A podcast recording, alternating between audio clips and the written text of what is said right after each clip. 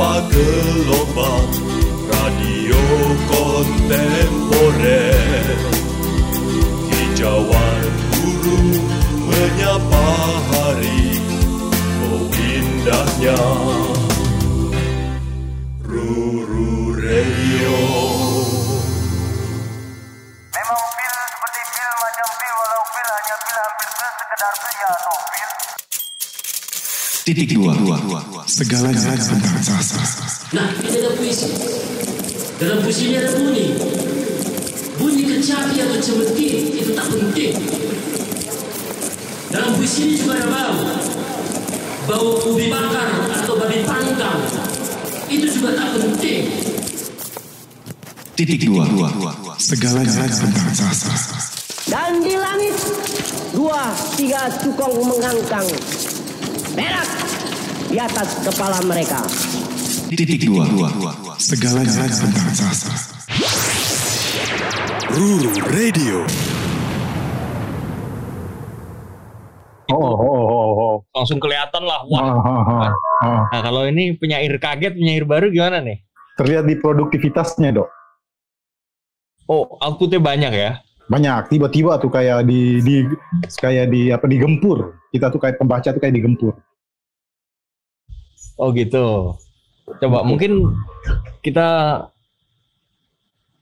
coba ini dulu toh baca dulu contohnya toh Gua coba baca ya. Kurang. untuk uh, gempuran-gempuran pembaca tuh macam mana Gua coba baca. Tapi itu gue mesti gue mesti nyolokin harddisk nih. Jadi butuh waktu sekitar beberapa detik. oh gitu Karena gue arsipkan dok. Oh lu oh lu arsipkan karena siapa tahu setelah ini dia berhenti jadi penyair ya Betul. Ini kan sesuatu yang angka ya Ah, ah, ah, kita harus cepat menangkap fenomena-fenomena sekejap gitu dok. oh, oh Augenblick gitu ya Iya semacam Augenblick gitu semacam Oh, oh. cahaya-cahaya Ya. cikan gitu loh dok. untuk menangkap kalau katanya Binhat kemarin stimung Nah untuk menangkap stimungnya tuh mesti cepat. oh. Nah sebagai orang titik dua yang memper mendedikasikan diri pada sastra ya gue mesti menyi- apa me- me- mengarsipkan itu dan gue masukin dalam sebuah folder bernama kerjaan. oh itu folder kerjaan biasanya folder yang kayak gitu tuh biasanya barang sama bokep tuh barang nggak apa? Enggak ini beneran kerjaan gue. oh beneran, kerjaan beneran, beneran beneran kerjaan gitu.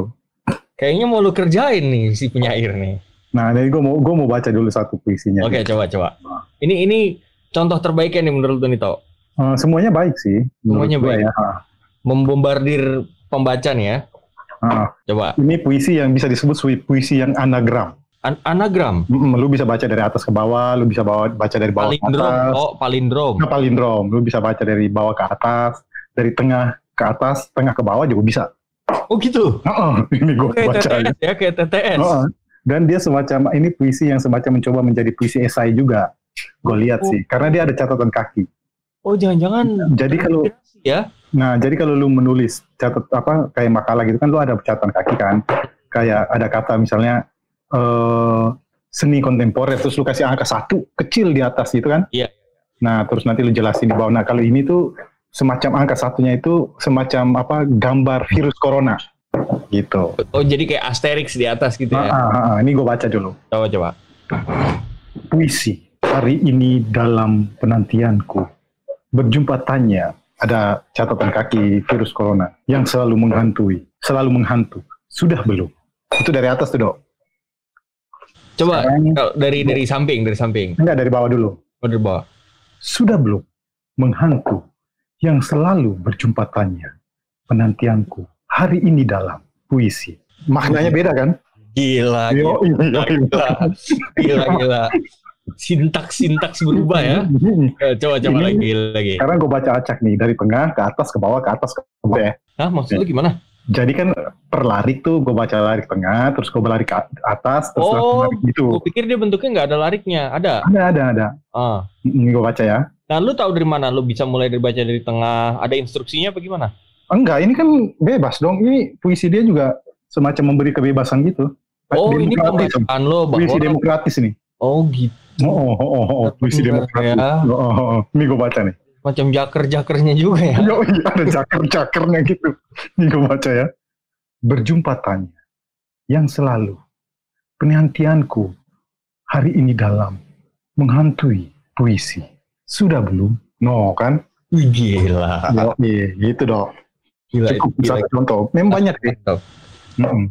Itu banyak kayak gitu tuh. Banyak sekali. Betul-betul meskipun dadakan tuh dipikirin ya tuh ya. Apa, Dipikirin ya. ah, ah, ah. mungkin juga memang apa? Jadi ada kalau lu kembali ke per- apa pelajaran-pelajaran awal filsafat kan ada Aristoteles dok, Hmm. potensi dan Aktus. Heeh. kemungkinan besar beliau ini nih Potensio. potensi potensio selama ini tuh cuma potensio doang. Cuma Tapi malu-malu. ada agensi, agensinya itu adalah kondisi virus corona ini Iya betul. Yang mendorong. mendorong sehingga terjadilah aktualisasinya gitu. Lu juga Nah. punya temen yang suka kayak ngerasa punya potensio gitu kan? Siapa? Ada kan yang kalau misalkan ada agensi-agensi tertentu tuh nulis puisi juga gitu. ada. Ada kan? Gimana? Oke, Nah. kita langsung aja nih. Coba lu perkenalkan dok. Kita sambut. Enggak lah, dia harus memperkenalkan dirinya lah. Oh iya betul betul. Oh, oh. Senior kita kan? Tok. Ya. Iya kan? Senior kita latar belakangnya nih gue ceritain dulu nih. Betul betul coba ceritain. Tak eh, terdidik sebagai pematung. Ya. Bener? Bener nggak? Betul betul betul. Em, sekolah di salah satu universitas swasta di Indonesia, Jakarta, Indonesia. Mm-mm. Eh, konon berbakat karena gue bilang konon karena jauh nih toh umurnya. Oke ya. Jadi gue denger cerita-ceritanya aja sayup-sayup gitu kan.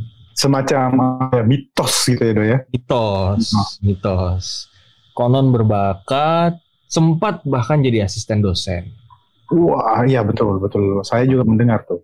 Eh dengar ya, bisikan-bisikan kecil gitu Iya. ya. Heeh. Sempat Di- jadi asisten dosen, kemudian belajar lagi Iya. ke luar negeri. heeh. Ke mana? Ke mana? Amerika Serikat nggak salah ya? Ya. heeh. Amerika Serikat. Di situlah dia mengasah Kemampuan-kemampuan baru ya. kemampuan kemampuan entah baru entah lama kan kita nggak tahu potensi yo toh Oh iya betul. Bakat seninya tuh emang Hmm. sudah ini Dengar-dengar ada juga ini baru dok, informasi terbaru tentang tokoh ini dok. Ah, apa itu? Dulu waktu dia masih kecil, kecil nih ya? Ah, waktu masih kecil lah sekitar SD SMP gitu ya kalau nggak salah, itu dia sudah berhasil mengaktualisasikan potensinya sebagai pembalap sepeda. oh. Oh, iya beneran dong. itu. Heeh, bener, pembalap sepeda. Di di mana dia balap? RT di Bali, di Bali, di Bali. di Bali. Berarti dia orang Bali nih ya? Mm-mm. hmm oke. Nah setelah itu dia eh, sekarang lebih aktif Eh, oh itu bukan bukan sorry sorry. Dia tidak lagi eh, berkarya patung. Iya tidak kak. sekarang lebih aktif em, membuat karya grafis. Dan sesekali menggambar di iPad-nya. Atau sering malah gua nggak tahu deh Sering dok, karena gue curiga puisi-puisinya itu juga menggunakan metode yang sama tuh. yang adalah Metode menggambarnya itu. oh jadi bisa digambar tuh puisi gambar Oh, oh, oh. Puisi rupa, jangan puisi gambar, puisi rupa. Ini Oh, salah satu yang apa se- sebuah sebuah kata frase yang perlu penting nih puisi Oh, rupa. puisi rupa oke Hmm. jadi kita langsung saja lah Skoyers kita ungkap tabir Iya. tamu kita malam ini adalah inisialnya AA, Betul. tidak lain dan tidak bukan Anom Astika. Oh bukan, Salah. Alit Ambara. Om, Ya silahkan. Ya. Om, Ya, gimana? Apa kabar nih? ya. Ginilah. Gini emang kalau misalkan kita siaran radio itu harus pura-pura kayak nggak ketemu, padahal kita baru Iya. Ah, Ah, ada fiksinya. Hmm. Iya. Gimana? Di mana nih sekarang? Kita kan fiksional. Betul. Nah, Fiksional. kayak sepeda ya, fiksi. Juara juara sepeda toh dia diksi-diksinya aja masih sepeda-sepedahan tuh, fiksi. Benar. ah. Oh. Gimana? Di mana nih Om? Ah, di seputaran lah. Di seputaran ya. Jadi ada bundaran. Seputaran gitu ya. Ada Oke. bundaran. Bagus, bagus. Gimana Om? Katanya sekarang berpuisi. Eh, ya sedang inilah apa namanya eh, menjelajahi hal-hal yang ya yang berbeda dari biasanya. Berbeda. Dulu berarti belum pernah. Ini pertama kali nih menyentuh. Unsur kata puisi. Oh, aku lupa lupa ingat juga. Eh, pernah kali tapi mungkin nggak tahu ya eh, apa itu disebut puisi atau bukan gitu. Kan Karena kan sebenarnya teks dan visual tuh dari sejarahnya itu sangat dekat. Wih, gila dong. Ya, main, main sejarah dia, main sejarah. Sejarah ya, nih. Sepupuan mereka itu. Dan ya. bahkan eh, bahkan dari kalau kalau kembali ke sejarah itu sebenarnya gambar tadinya menggantikan teks karena eh, sebelumnya itu orang kan buta huruf. Oh, hieroglif hieroglif itu ya. Bentuk-bentuk huruf hieroglif. Iya, bukan iya maksudnya Potret maksudnya. simbol, simbol gitu. Hmm. Jadi sebelum orang mengenal aksara dong maksudnya mungkin ya. Ya juga ini kan di kalau lihat dari sejarah seni rupa lah gitu ya, itu kan memang berfungsi awalnya misalnya seperti pengajaran gitu, pengajaran terutama agama Kristiani itu kan dari gambar. Oh iya iya betul betul. Mm-mm. Jadi orang dulu masih buta huruf, jadi gambar tuh dipakai sebagai apa ya? eh eh, eh, Medium. eh, didaktik. Nah, Oh iya. Oh. gitu. Ini makin ini baru awal-awal langsung susah dok. Heeh. Susah, emang sih, memang gitu. Ini Memang hasil harus- didikan harus- Amerika Serikat harus, gini. harus kedengaran susah. Iya. Oh ya betul betul. Memang susah. Coba gua- sebe- eh, nah, Hah? setelah itu baru kemudian itu banyak orang menilihat jadi dua hal yang berbeda puisi eh, teks dan visual padahal itu itu selalu berdampingan Hmm. Nah, ini sekarang Hmm. upaya lu untuk mengembalikan itu. ya nggak juga itu kan Oh, bukan hal yang bukan hal yang baru gitu itu Oh. biasa aja jadi hal yang biasa Oke. kalau eh, karena juga kemudian gambar itu eh, apa istilahnya secara visual itu juga mengambil puisi sebagai kata sifatnya makanya lebih banyak gambar menjadi puitis gitu misalnya Hmm. Oh. Nah, jadi bukan puisinya bukan teksnya tapi kata sifat dari puisi itu jadi poetik Hmm. Sep- Seperti apa misalnya sublim gitu. Ya misalnya gitu gambar-gambar eh, yang kemudian kan bagaimana or bagaimana orang itu berupaya menginterpretasikan gambar itu kan Hmm. sebuah proses eh, poetik sebenarnya. Oh. Jadi, Berarti kalau menurut Om pindah medium ini kayak nggak berubah apa-apa dong. eh, bu- nggak juga kan beda. tek- teknik doang yang berubah dong. Sisanya mah sama aja. Eh, ya tentu secara teknik berubah tapi juga kan eh, di dalam eh, dasar-dasarnya itu juga ada perbedaan-perbedaannya. gitu. Misalnya kalau dalam puisi kan kita harus mengenal kosakata. Hmm. Nah, Ya betul. Di, ya. sel- selama ini kan kayak gue ini kan kosakatanya terbatas. Atau bisa dikatakan atau bisa Toh, lu dikatakan jangan, toh, lu jangan mancing dia ketawa. Oh iya iya iya. atau bahasa ya juga bahasa kayak bahasa Indonesia kan terbatas juga kosakata itu dan eh, nggak tahu berapa banyak berapa ribu kosakata di bahasa Indonesia Tahu nggak tahu di KBBI nggak tahu makanya ya. Nggak dihitung. Mm-mm. jadi ya di situ juga ini ada ada ada dasar-dasar yang perlu dikuasai seperti kosakata sama juga dengan visual juga begitu Hmm. Makanya dalam visual dalam sejarahnya juga ada yang disebut dengan ikonografi.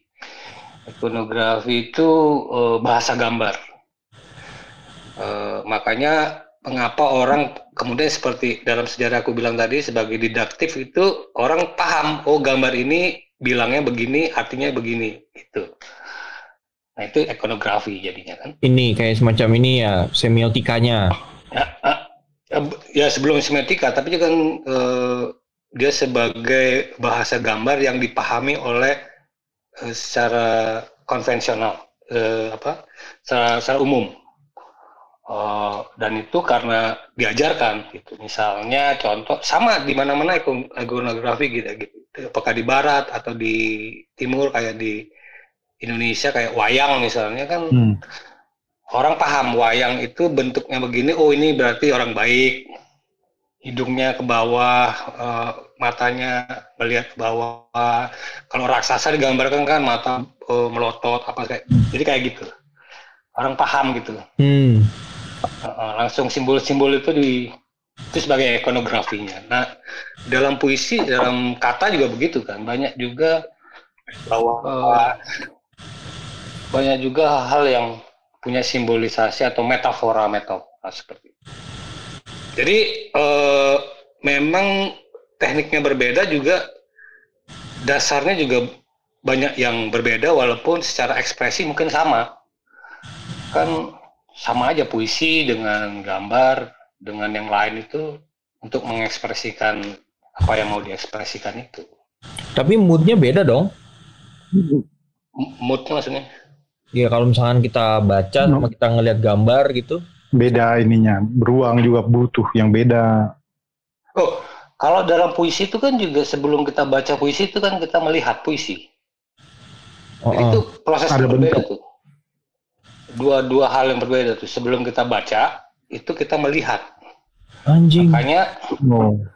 makanya eh, susunan dari puisi itu betul-betul sebenarnya secara visual gitu pernah oh, jadi orang melihat puisi dulu makanya Tapi itu kan terbatas pada puisi visual. Kalau nggak puisi visual kan nggak gitu. Tapi kan puisi ada susunan bait gitu-gitu dong. ya susunan Ya, bait, cuma maksudnya nggak bukan pada dirinya sendiri gitu kita nilai sebagai sesuatu yang estetis. Kan kalau gambar kan bentuknya memang. iya tapi dari sebelum membaca puisi itu orang melihat susunan dari eh, apa huruf apa kata-kata itu Hmm. dilihat sebagai eh, di, di- kita lihat bukan kita baca dulu Hmm. Makanya waktu aku diminta eh, nge-layout bukunya Saud Stompul itu betul-betul Oh iya betul. eh, ingin meletak eh, karena kan misalnya kayak dulu Saud tuh nulis puisi itu juga betul-betul menyadari bagaimana bentuk puisinya itu secara visual. Misalnya kadang-kadang kalau kita lihat nggak tahu lupa aku yang puisi yang mana tapi bentuk secara susunannya itu kayak genta atau kayak lonceng gitu. Eh, dan itu sangat terkait juga dengan eh, puisinya. Atau juga misalnya ada puisi yang dia tuliskan di atas kop surat apa gitu festival film atau apa. Nah, secara itu juga bagian dari eh, bentuk puisi itu gitu. Jadi memang kadang-kadang puisi itu punya dua dua hal. Satu memang dia punya visual, yang lain dia lebih pada bunyinya, pada suaranya. Nah itu yang it- itu eh, ini yang lain itu diskusi yang lain tapi juga pada makna- pemaknaannya gitu. Hmm. Karena eh, itu, juga eh, hal yang ini apa namanya kalau mau diseriusin gitu itu menjadi hal yang menarik untuk dibahas Gitu. Ya apakah itu bunyi apakah itu Makna. Bentuk. pemaknaannya bentuknya. Oh. jadi eh, dan juga bagian dari bagaimana kita apa namanya eh, eh, mem- mengenal kosakatanya kan. Oh. karena misalnya pembaca puisi itu dia tentu juga harus paham juga itu apa arti kata itu kan. Kadang-kadang juga kita nggak baca puisi kita nggak tahu apa gitu. Mm-mm. Nah, jadi ada pengetahuan yang lain, ada ada sama juga di, di kita lihat seni lukis juga begitu. Kita lihat di eh, ya di di di di, di seni visual juga eh, eh, banyak hal-hal yang memang eh, si pemirsanya itu dituntut untuk memang memiliki bagasi pengetahuan yang yang men- yang cukup untuk bisa mengapresiasi sebuah karya gitu. Hmm. Bagaimana dok? Setelah lu mendengarkan latar belakang pemikiran dari ahli Tambara ini dok? Sulit ya. Sulit betul. Dia serius dalam puisi ini. Dan ini ya, bu, kalau menurut kalau gua tadi sebelum pembicaraan ini tuh di kepala gua tuh seolah Terus terus tuh masuk terus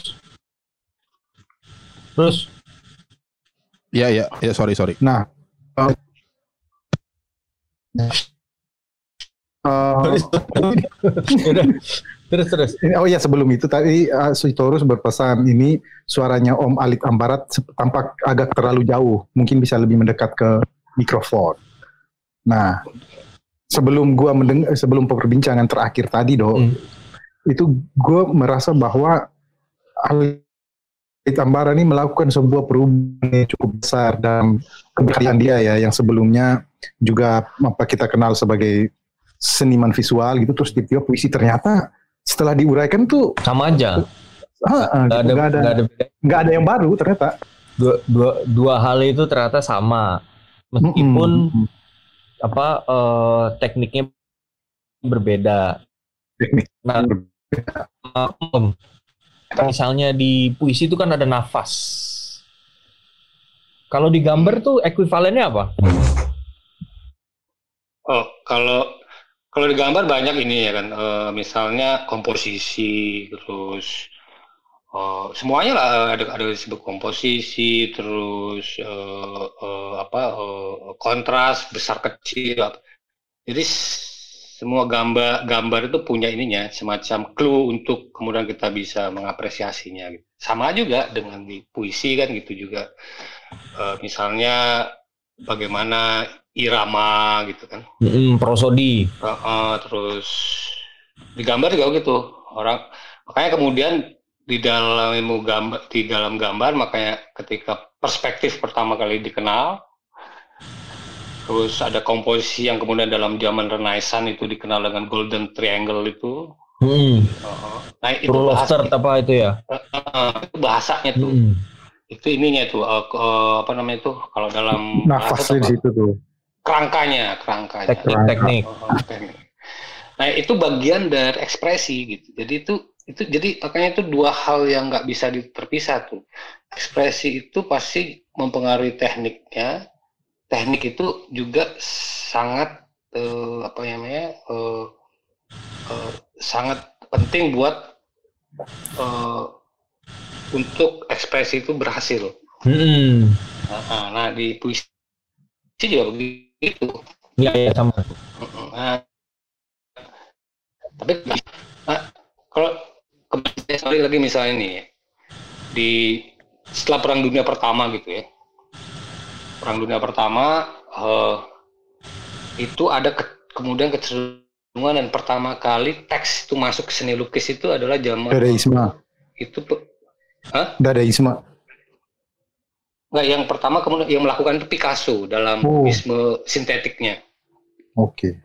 Jadi waktu itu Picasso, walaupun ini lukisan, itu belum dipublikasikan, tapi itu disirkulasikan antar teman aja.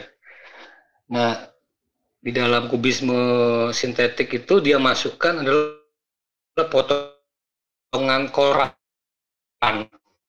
Juga misalnya potongan wallpaper gitu ya. Nah, di dalam pertama itu dia kemudian mas- masukkan sebuah potongan eh, surat kabar yang yang sebenarnya judulnya Le Journal, tapi dalam lukisan itu dia potong menjadi leju. Nah di bawahnya itu sebenarnya ada headline eh, ko- kalau, kalau di Inggris kan itu eh, atau di Indonesia kan itu peperangan yang kita engage, yang kita mau Lebat. ini, ini, Lebat. ini pertama lu bilang da- kalau di Inggris kan terus atau kalau di Indonesia kan ternyata di Gabung, gabung. peperangannya di Peperangan ini ini Eh. Iya, kayak kalau bahasa Prancisnya le, le Battle de Engage. Wih. Oh. Nah, tapi sebenarnya itu itu slang itu. Itu kayak le, eh, apa kok judul koran le journal dipotong jadi lejul itu kalau dalam bahasa Prancis slang itu nah, itu ngecrek gitu istilahnya atau to come. Oh. Eh, jadi Orgasme eh, gitu ya. itu pertama eh, eh, itu pertama kali itu yang pertama kali walaupun kemudian itu masih sirkulasi yang sudah tapi kemudian ketika dipublikasikan itu bagian salah satu dari bagaimana kemudian teks masuk seni lukis. Itu kemudian juga berlangsung banyak banget gerakan-gerakan ketika itu juga memasukkan teks sebagai bagian dari itu apa eh, eh, ekspresi dalam visual. Seperti misalnya kelompok atau apa yang dikenal dengan gerakan Mersbau itu namanya Kurt, Kurt Schwitter itu juga gitu modelnya kayak dengan kolase Eh, dia potong-potong tuh Schwitter huruf-huruf dari Ko- Penyair.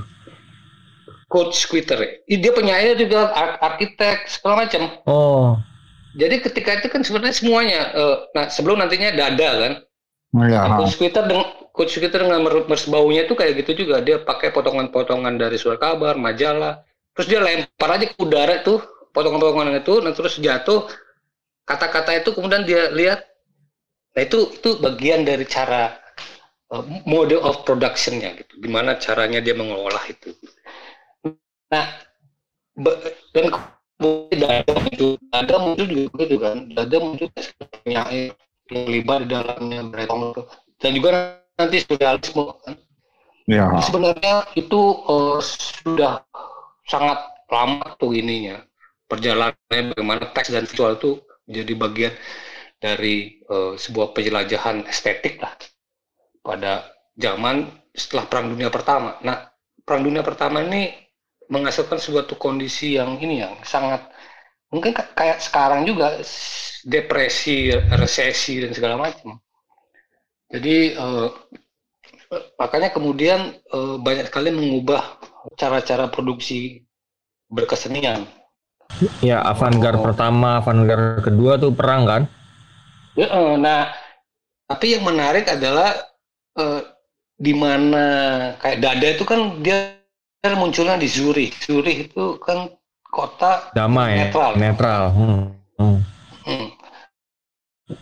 Nah itu juga kelompok kiri dan kanan tuh ada di kota sama kota itu yang nong nongkrongan di satu kafe yang di belakang kafe itu apartemennya si Lenin. Dalam pembuangan. Jadi oh, oh. dan Hitler juga ada di situ. Jadi setelah perang dunia kedua kemudian mem- memunculkan sebuah ini yang baru lagi apa namanya sebuah kondisi baru yang walaupun dalam pengertian di sini yang nantinya juga eh, berujung pada perang dunia kedua nantinya. Nah konteks ke teks dan visual itu juga sudah menjadi apa ya eh, eh, penjelajahan artistik dan estetik yang sangat intens setelah itu. Misalnya di Jerman muncul eh, neo objektivisme dan segala macam. Jadi ada hal-hal cara-cara ekspresi yang kemudian apa ya dalam istilahnya dalam tanda kutip baru seperti dada kan dadaisme kemudian ada itu eh, surrealisme dan segala macam Eh, new objektivisme juga ya. Zaman-zaman itu kan. Heeh.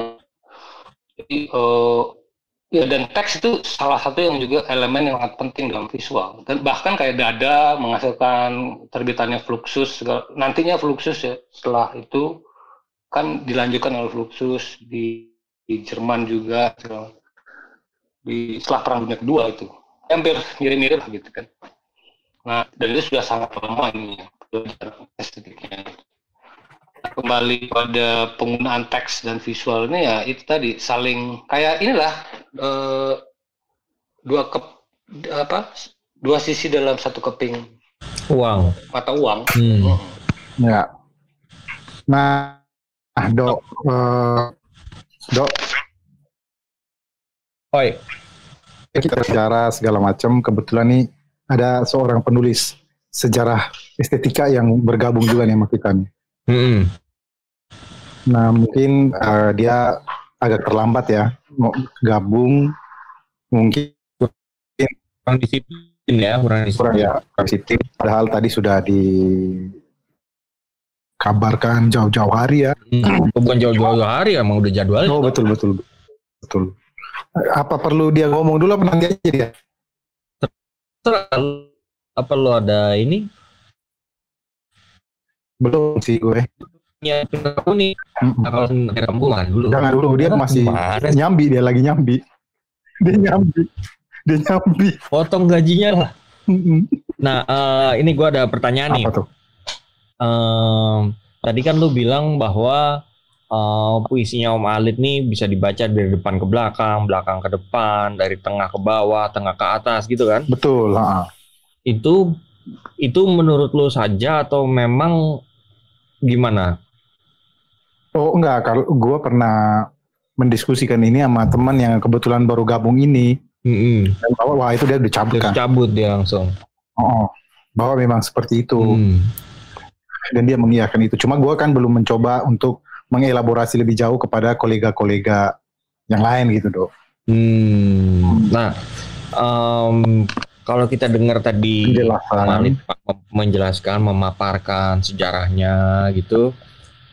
Biasanya nih, Om, Hmm.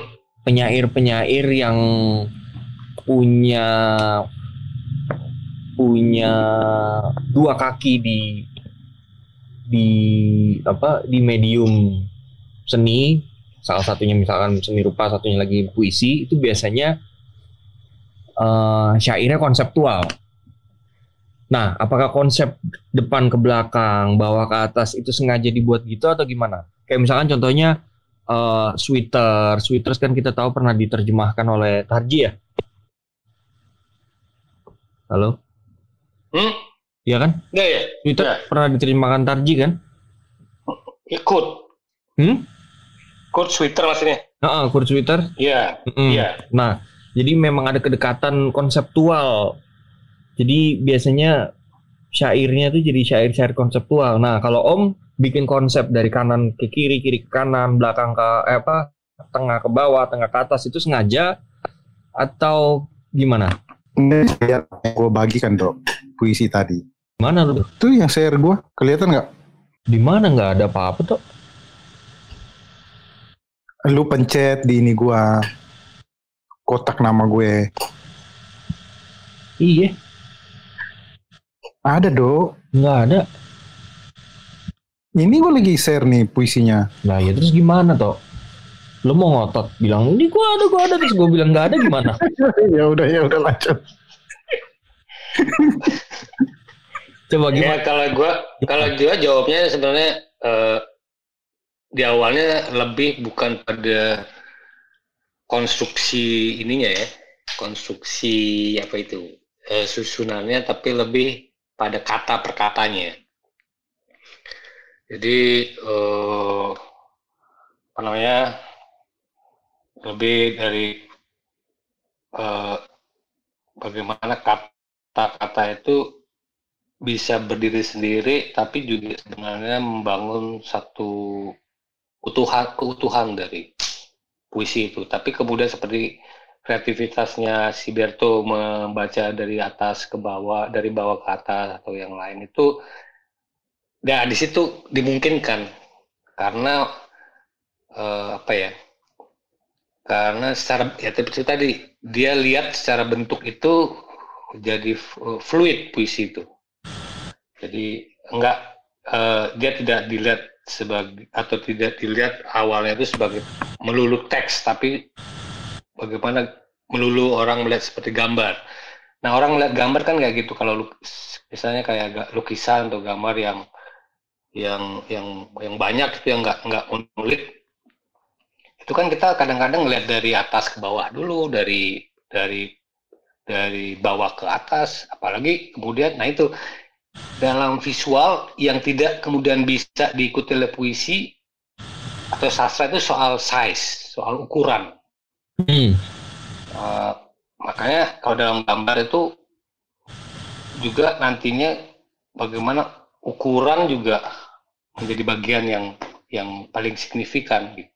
Tapi kan Dalam kalau sorry Om, kalau di kata kan ada katanya kecil tapi besar gitu. Maksudnya tapi dok? Eh, maknanya besar gitu kan banyak toh. Oh, nah, ini secara visual Oh, gitu.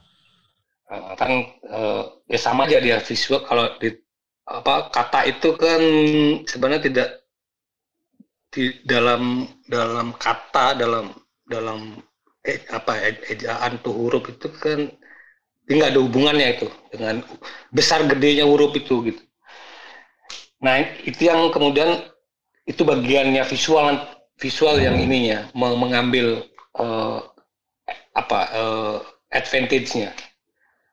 Nah kita kan belum pernah misalnya tahu oh misalnya penyair bikin nulis puisi segede bola kayak ini nggak ada karena emang bukan itu ininya Eh, apa namanya eh, bayangannya puisi itu seperti itu enggak Hmm. Nah, dalam bentar. Gua setelah mendengarkan penjelasan ini, gua mulai mencerna nih. Misalnya di puisi yang tadi yang gue lu bacakan. dari tadi ke mana toh? Kok mulai mencerna? Ada gue.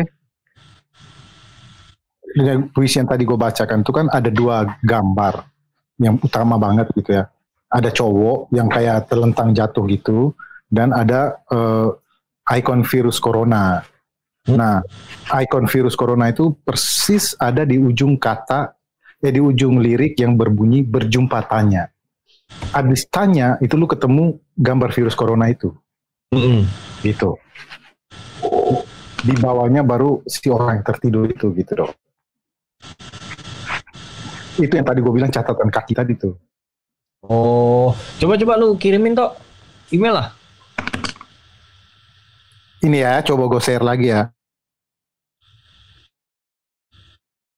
Percuma kalau Squires nggak bisa lihat, nggak bisa dengar juga. Maksudnya biar sekalian yang privat Sekarang aja. lu bisa lihat nggak di gua? Nggak bisa. Oh, ya udah deh. Gue email aja. Mm-mm. Jadi gitu sih, memang ada dua hal yang tambahan tam apa? Karena gue lebih banyak di puisi ya. Enggak ketika ketemu yang ada gambar-gambar visualnya gini tuh pemaknannya jadi beda tuh dok. Mm-mm. Nah, kan tadi Om Alid sempat bilang eh, ada nggak penyair yang bikin puisi sebesar lapangan bola? Nah, itu kayaknya ini deh. eh ke- apa cukup aneh gitu ketika misalkan seorang penyair bikin puisi sebesar lapangan bola. Kira-kira menurut lu dia masih tetap jadi penyair atau dia disebut perupa toh? Nah, itu agak susah tuh untuk mengatakan dia penyair atau perupa. Kayak misalnya ini Subing, Om, tahu Subing kan Om? Mm-mm. Nah, Subing itu dia penyair atau perupa? Eh, ya makanya itu ketika di apa ya kalau kembali lagi ke sejarah kan eh, ketika seni konseptual muncul itu udah nggak ada lagi namanya yang mana puisi yang mana namanya seni rupa yang mana musik yang eh, karena yang yang kemudian menjadi inti dari ekspresi itu adalah konsep itu. Oh jadi itu udah udah apa ya udah udah multidimensional dan dan dan orang udah nggak bisa lagi melihat ini sebagai puisi. Karena misalnya contoh siapa tuh seniman dia nulis kata aja dia taruh di di ruang pamer. Atau misalnya siapa itu? Oh, si Itali itu si siapa itu? Dia bikin selembar kertas di atas kertas dia ketik eh, sebuah kata dia pamerkan. Dan yang lain-lain. Jadi ba- banyak dalam yang dan itu laku ya. Karya itu dibeli. At- dan orang kemudian berpikir Nih, oh, Katelan bukan? Maurizio Katelan. Eh, siapa itu Eh, Maurizio eh, Itali Maurizio pokoknya. Katel Katelan. ya Ah. Nah, jadi ketika seni konseptual muncul ya itu orang udah nggak ada ketika misalnya bentuk eh, proses kreatif itu udah jadi satu tuh Mm-mm. tidak se- tidak seperti eh, berkreasi dalam bentuk tradisional sebelumnya kayak orang melukis membuat patung eh, atau itu udah udah eh, teknik itu udah berubah gitu ya. Misalnya eh, nanti juga ada kecenderungan yang si seniman udah nggak tidak bikin karyanya lagi tapi lebih dia misalnya eh, bikin kayak rumus dia kirim aja ke orang lain untuk membuat Ya ya ya. Kayak tubuh Jadi- ketiga gitu ya. ya jadi eh, apa ya eh, dalam kalau kita lihat, dilihat dalam sejarah proses kreatif itu oh, kemudian sudah menghilangkan lagi batasan-batasan seni itu Eh, dan Spesifikasi itu udah nggak ada ya. Ini Iya. penyair, ini penari itu udah nggak ada tuh. Nah, oh, karena ya itu kembali lagi pada itu semua itu kan bagian dari ekspresi. Apakah itu kata, warna, bentuk, segala macam itu sebagai bahasanya manusia untuk mengekspresikan apa yang ingin dia eh, bilang gitu. Nah, apakah itu nanti jadinya itu uh, uh, deretan kata atau sapuan kuas atau yang lain-lain, ya itu ininya uh, resulter apa resultnya uh, hasilnya. Tapi prosesnya itu udah udah sangat ini sangat cair gitu. Hmm. Uh, Tetapi kan Ya, yang tadi yang soal seni konseptual gitu-gitu itu kan sebenarnya lebih banyak di seni rupa kan. Artinya bahwa misalnya katakanlah di dunia penyair sejauh ini penyair Indonesia kan belum sampai segitu tuh. ya kalau di kita percaya kayak Tarji kan Tadi Sangat- gitu lah toh yang apa? Iya, ada ada Narto juga ya. Danarto, ya di Afrizal. Iya, betul. Oh, jadi sebenarnya udah ini udah udah karena ya itu tadi eh, semuanya kan saling berdekatan ya antara satu jenis kesenian dengan yang lainnya itu sebenarnya ya bisa dikatakan sama. Eh, i- apa namanya eh, itu kecenderungan-kecenderungan yang kemudian itu kan jadi semacam pengetahuan yang kalau sekarang itu eh, apa ya eh, itu ini aja eh, apa namanya eh, satu hal yang yang yang biasa saja. Apalagi sekarang adanya kecenderungan self publishing ya. Nah self publishing ini juga sangat mempengaruhi bagaimana produksi bagaimana ditambah lagi dengan media sosial dan segala macam. Kalau dulu kan misalnya orang nulis puisi kan dia harus sangat eh, untuk dipublikasikan dia kan harus dikirim ke media segala macam. Terbit atau apa? eh, penerbit gitu ya. Sangat sa- eh, apa ya u- u- urutan urutan produksinya itu Formal. erat formal. Kaitannya itu udah. Kalau kalau sekarang saya publishing orang eh, mempublish sendiri mem- secara mandiri. Apalagi sekarang dengan eh, sosial media segala macam media sosial segala macam ya dengan sangat mudah orang. Nah ini juga me- mengubah juga bagaimana mode of production dari berkarya seni itu su- sudah sedemikian ininya. Dan sudah sedemikian eh, apa eh, cairnya dan dan sangat cepat. Jadi kita itu makanya ada istilah tyranny of moment Apa tyranny of moment? Nah, eh, jadi kan sangat cepat gitunya oh, eh, apa namanya produksi itu keadaan publishingnya Dok, kok lu sepertinya terdiam, Dok. Mendengarkan penjelasan yang panjang lebar ini, Dok. Banyak yang bisa di ini toh di Apa tuh? Direnungkan gitu. Mm, mm, betul. Kayak nabi. ini ini mungkin waktu bermenungnya banyak nih, Dok. Heeh. Luar biasa nih, Dok.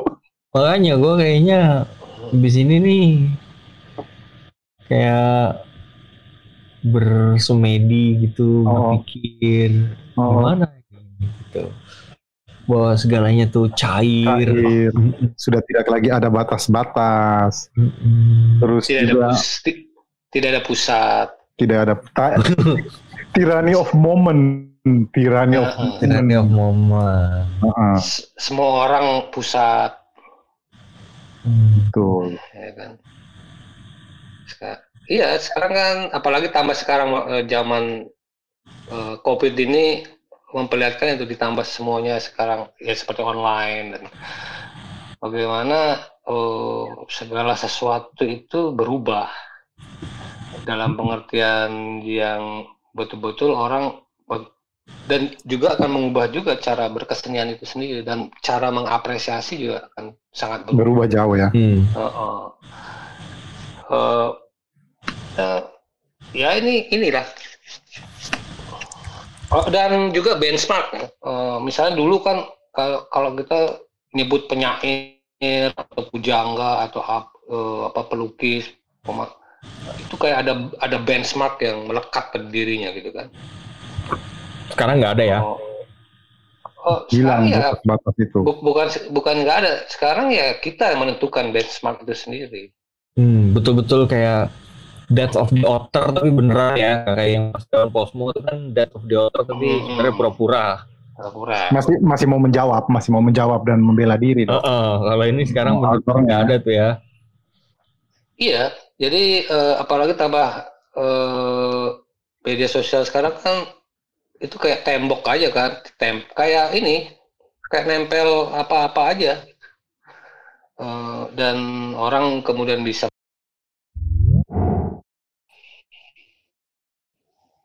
ya kan? Hmm, ini apa apa eh, semacam teorinya gitu belakangan kan? Mm-mm. Hmm. Penjelasannya belakangan. Oh, nanti. Eh, tapi sekarang pro- prosesnya udah sangat berbeda sekali. Nah, Nanti mungkin teorinya pun akan sangat berbeda. nah kebetulan nih ada bersama kita sudah masuk lagi itu seorang teoritikus, Dok. Ya, Mungkin kita coba minta dia menanggapi ini apa soal apa namanya? Apa itu? eh, nyiar apa? pen- eh, Nyiar tamu. tambahan. Kamu tambahan. Gimana Udah tuh? berapa? Setiap tiga kali apa? Udah tiga kali ini kan?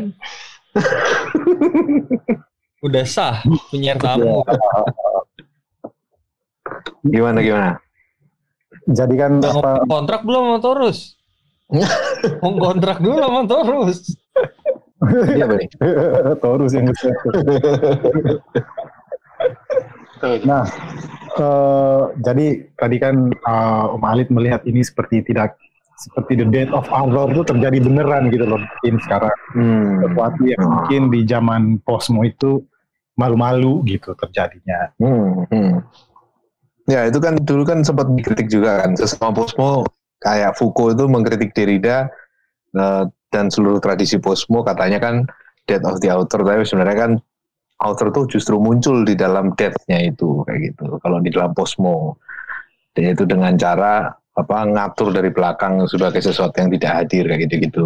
Jadi sebenarnya nggak ada death of the author. Nah sekarang ini kan dengan adanya kayak apa yang tadi dibilang Mas Alit tentang Instagram, apa Facebook segala macam sosial media secara umum kan orang berkarya di situ berinteraksi langsung di, di situ pemaknaannya juga dibentuk dalam interaksi di situ. Sebetulnya kan ya berarti kan sudah nggak ada lagi eh, author dalam pengertian yang dibayangkan dalam sejarah estetika romantik lah katakanlah gitu ya. Ada seorang penyair besar atau perupa besar yang me- me- me- apa, memperlihatkan visinya tentang dunia atau apa. Nah, tapi kan sekarang kan udah justru pemaknaan itu dibangun lewat interaksi sama pengguna apa pem- pemirsa di eh, apa sosmed gitu. Nah, tapi kalau dalam banyak hal kan eh, kayak eh, di puisi-puisinya Mas Alit ini kan eh, juga dibangun dari tradisi eh, apa ya? tradisi rupa yang banyak mengolah poster kan sebelumnya akarnya kan dari situ tuh kalau kita ngelihat beberapa puisinya kan kelihatan banget ada perpaduan antara jadi dari poster ke puisi itu nggak sebenarnya kan nggak terlalu jauh bedanya maksudnya nggak beralih medium yang sangat jauh kan karena kan Nah. poster biasanya kan memang di, dibubuhi oleh kata-kata yang sugestif lah katakanlah gitu. Misalnya bung Nah. ayo bung atau apa itu. Nah, gue kan pernah mencoba tuh waktu itu mengirimkan salah satu puisi Alit Ambara ini ke seorang penikmat seni lah.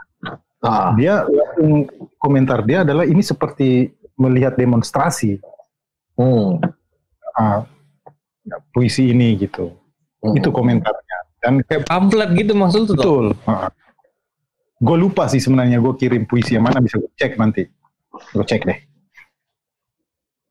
Gitu jadi Siapa teman penyair lu toh? bukan teman penyair, penikmat puisi penikmat ini. Oh, siapa toh? Ada. Gue udah kom, gue udah post publikasi kok ininya. Di hem ya, bukan bukan di hem toh. Bukan, gue kan publikasi di dalam rangka meng, apa? Oh kalau itu di, kalau yang di hem kan melihat a- alit dalam konteks budaya dan sosial, Oh, hmm, pembacaan biografis gitu loh. hmm. Hmm. Sedangkan yang ini memang betul-betul kayak apa tidak tahu eh, sepak terjang cuma tahu nama aja, tapi kan langsung cuma Mana toh? apa? Yang lu kirimin ke gua juga bukan? Video-video Nah, pendek itu, itu, bukan? Nah, gue lupa namanya. Kan gua Tapi tradisi apa yang yang Alit bikin tuh maksudnya puisi dalam bentuk ru- medium rupa yang seperti poster itu sebetulnya bisa di, juga dibaca apa, apa ya perbandingannya dengan poster-poster aksi di Mei 68 kan kan isinya teksnya plesetan itu maksudnya banyak memparodikan apa ya sense yang mapan atau apa kayak itu kan itu kan era tahun itu graffiti terus poster aksi itu kan dipenuhi dengan teks-teks yang juga punya mutu puisi lah katakanlah kayak gitu. Apa memang ada hubungan kayak gitu mas? Atau gimana mas? Atau atau sebenarnya nggak bisa dibaca dalam kaitan dengan itu atau gimana? Eh, yang mungkin kalau kalau buat ak- aku mungkin karena ini aja ya eh, apa ya eh, eh, udah biasa aja gitu common aja jadi apakah itu nanti dibaca apakah itu kemudian seperti tadi dilihat itu hubungan dengan poster apa segala memang memang memang ini ada karena poster kan kalau bikin poster kan memang tujuannya tuh harus jelas apa, apa ininya dan Hmm. teksnya teksnya itu juga Sebagai harus betul- statement gitu ya. Oh, oh. dan teks itu harus betul-betul berarti di situ dan bahkan eh, teks itu harus menjadi bagian utamanya. Hmm. Makanya kemudian eh, dalam ya kalau dalam dalam tanda kutip ilmu poster itu kan ada makanya teks yang paling penting itu selalu harus ada di atas. Yang Hmm. yang kurang penting itu di bawah. Jadi kayak gitu gitulah ininya. Jadi orang ketika membaca dan segala macam itu udah langsung tahu ini ini apa, ini mengaj- mem- biasanya kan mau mengajak apa atau apa, bilang apa, memberitahu apa kayak gitu.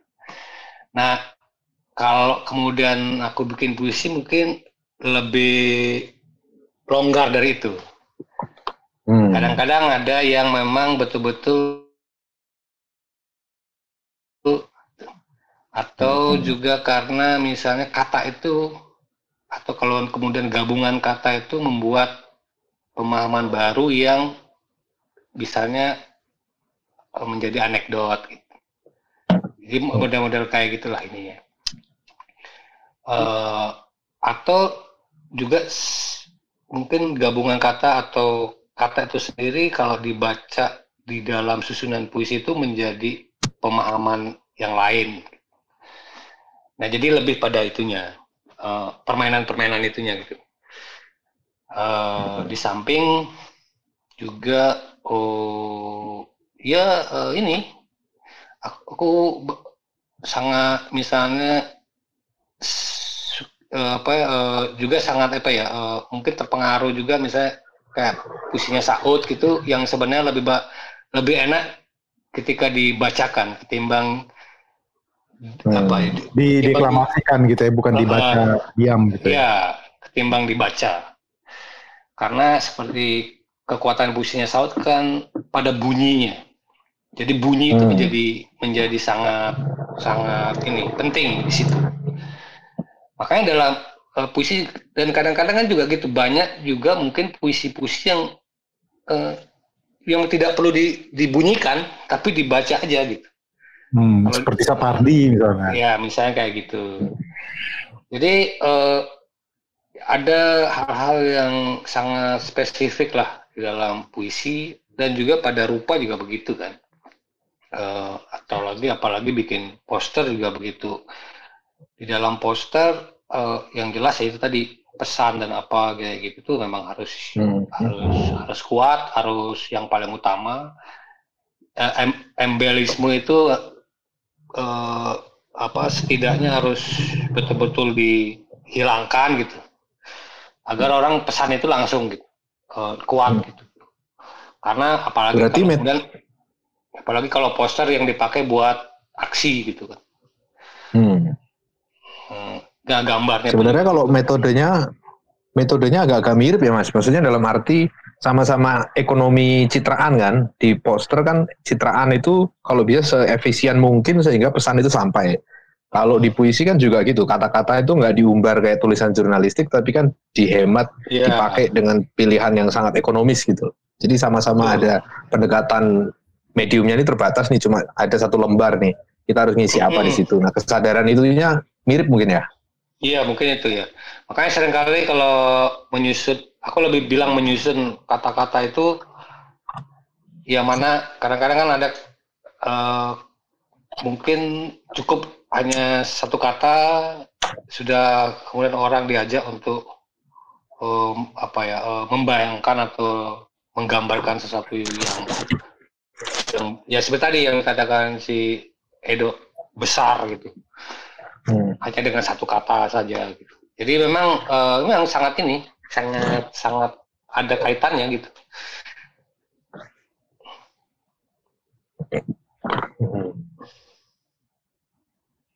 Um, Vin, Hmm.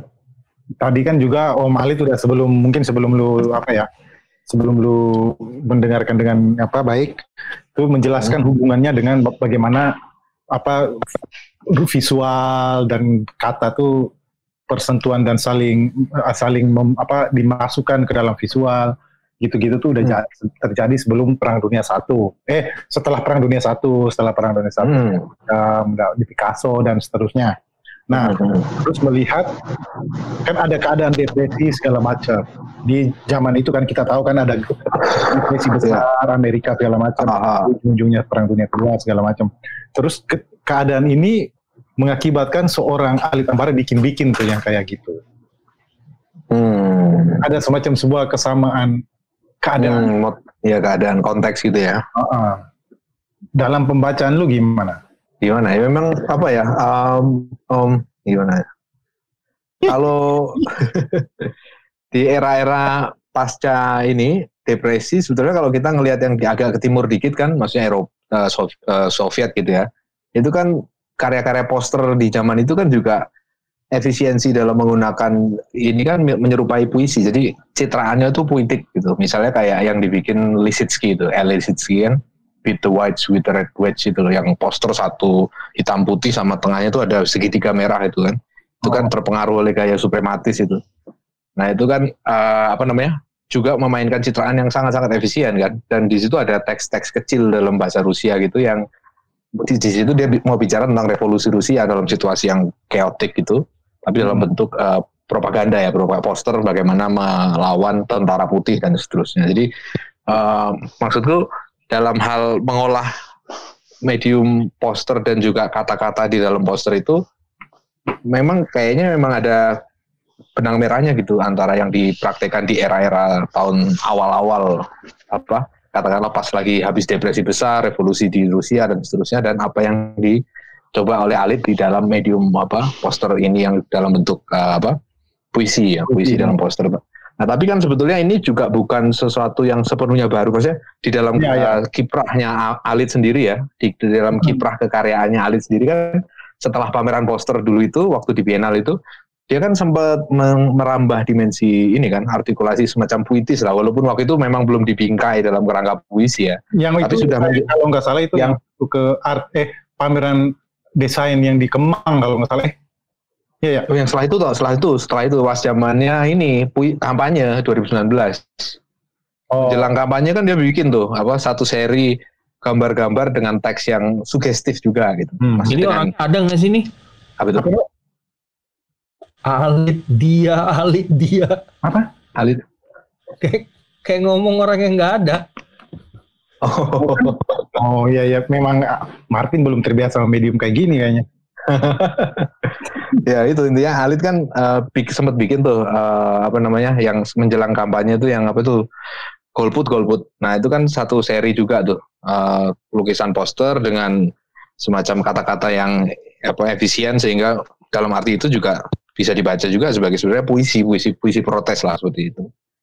Nah jadi trennya sebenarnya sudah dimulai didahului di zaman itu. Golongan pucuk tahi itu. Nah itu.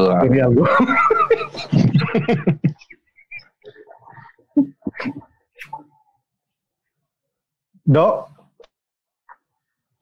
Oi, nah gimana menurut lu uh, uh, Martin melihat bahwa ini sesuatu yang nggak baru-baru amat gitu di di Ali gitu. Bahwa ini sebenarnya sudah mulai ada muncul dan memang benar sih setiap puisi juga ya setiap poster se- ker- sekerap uh, satu dua kata muncul di situ ya. Kalau dalam konteks poster terus Hmm. uh, berlanjut dalam yang tadi yang mm, serial serial poster yang menanggapi ini ya uh, uh, kampanye kampanye golongan uh, apa tuh golongan nah, itu yang golput golput Mm, golongan pucutai itu juga kalimat-kalimat yang mulai lebih apa uh, lebih banyak bermain kalimat juga dan sekarang puisi gitu dalam uh, saat seperti ini puisi. Jadi apakah mungkin melihat momen juga nih Om Alit Uh, kata-kata di momen-momen sekarang menjadi lebih mendapatkan porsi lebih banyak di dalam katakanlah karya poster atau karya grafisnya gitu. Hmm, ini nanya ke gue nih. Hmm. I- ya mungkin juga eh yes kalau lihat sekarang kan eh, zaman karantina mandiri ini orang kan apalagi penggunaan media sosial media sosial bertambah tuh waktunya Eh, jadi kes- orang tidak eh, orang punya lebih banyak waktu untuk membaca gitu. yang tadinya eh, menggunakan visual lebih karena orang hanya punya waktu untuk melihat. Jadi, eh, nah mungkin ya ada ada ada ada kecenderungan seperti itu gitu.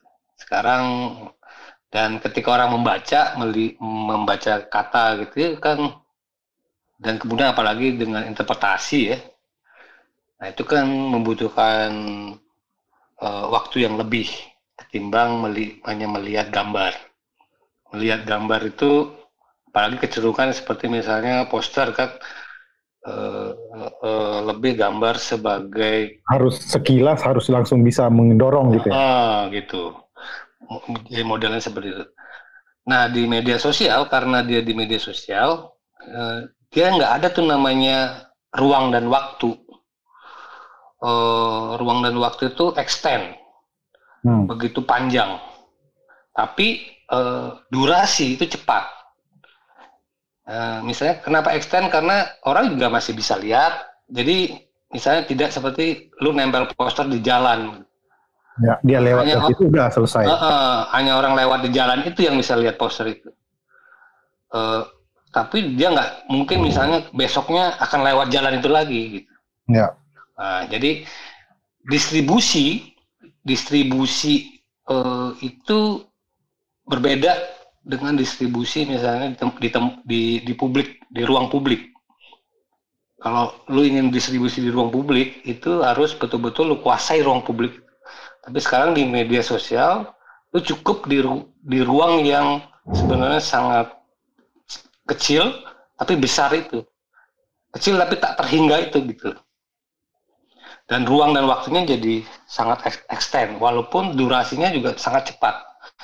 Eh, orang juga kadang-kadang ya udah lupa eh, mungkin 48 jam eh, banyak itunya apa dari penelitian yang dilakukan tuh sama juga dengan berita sekarang. Berita itu hanya orang eh, kenal berita itu cuma 48 jam. 48 jam itu udah berubah lagi berita. Itu Dan konsentrasi orang udah langsung Udah berubah. hal lain. Oh, hal lain lagi. Ini rasa-rasanya kayak semacam baca buku Paul Virilio ini. Iya mungkin juga Kecepatan.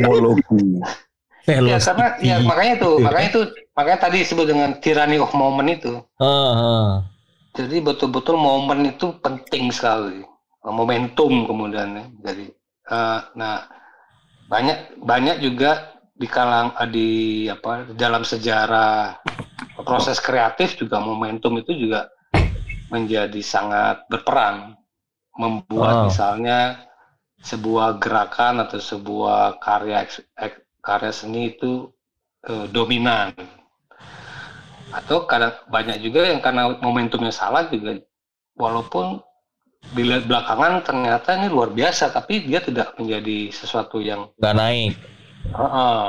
Nggak revolusioner gitu.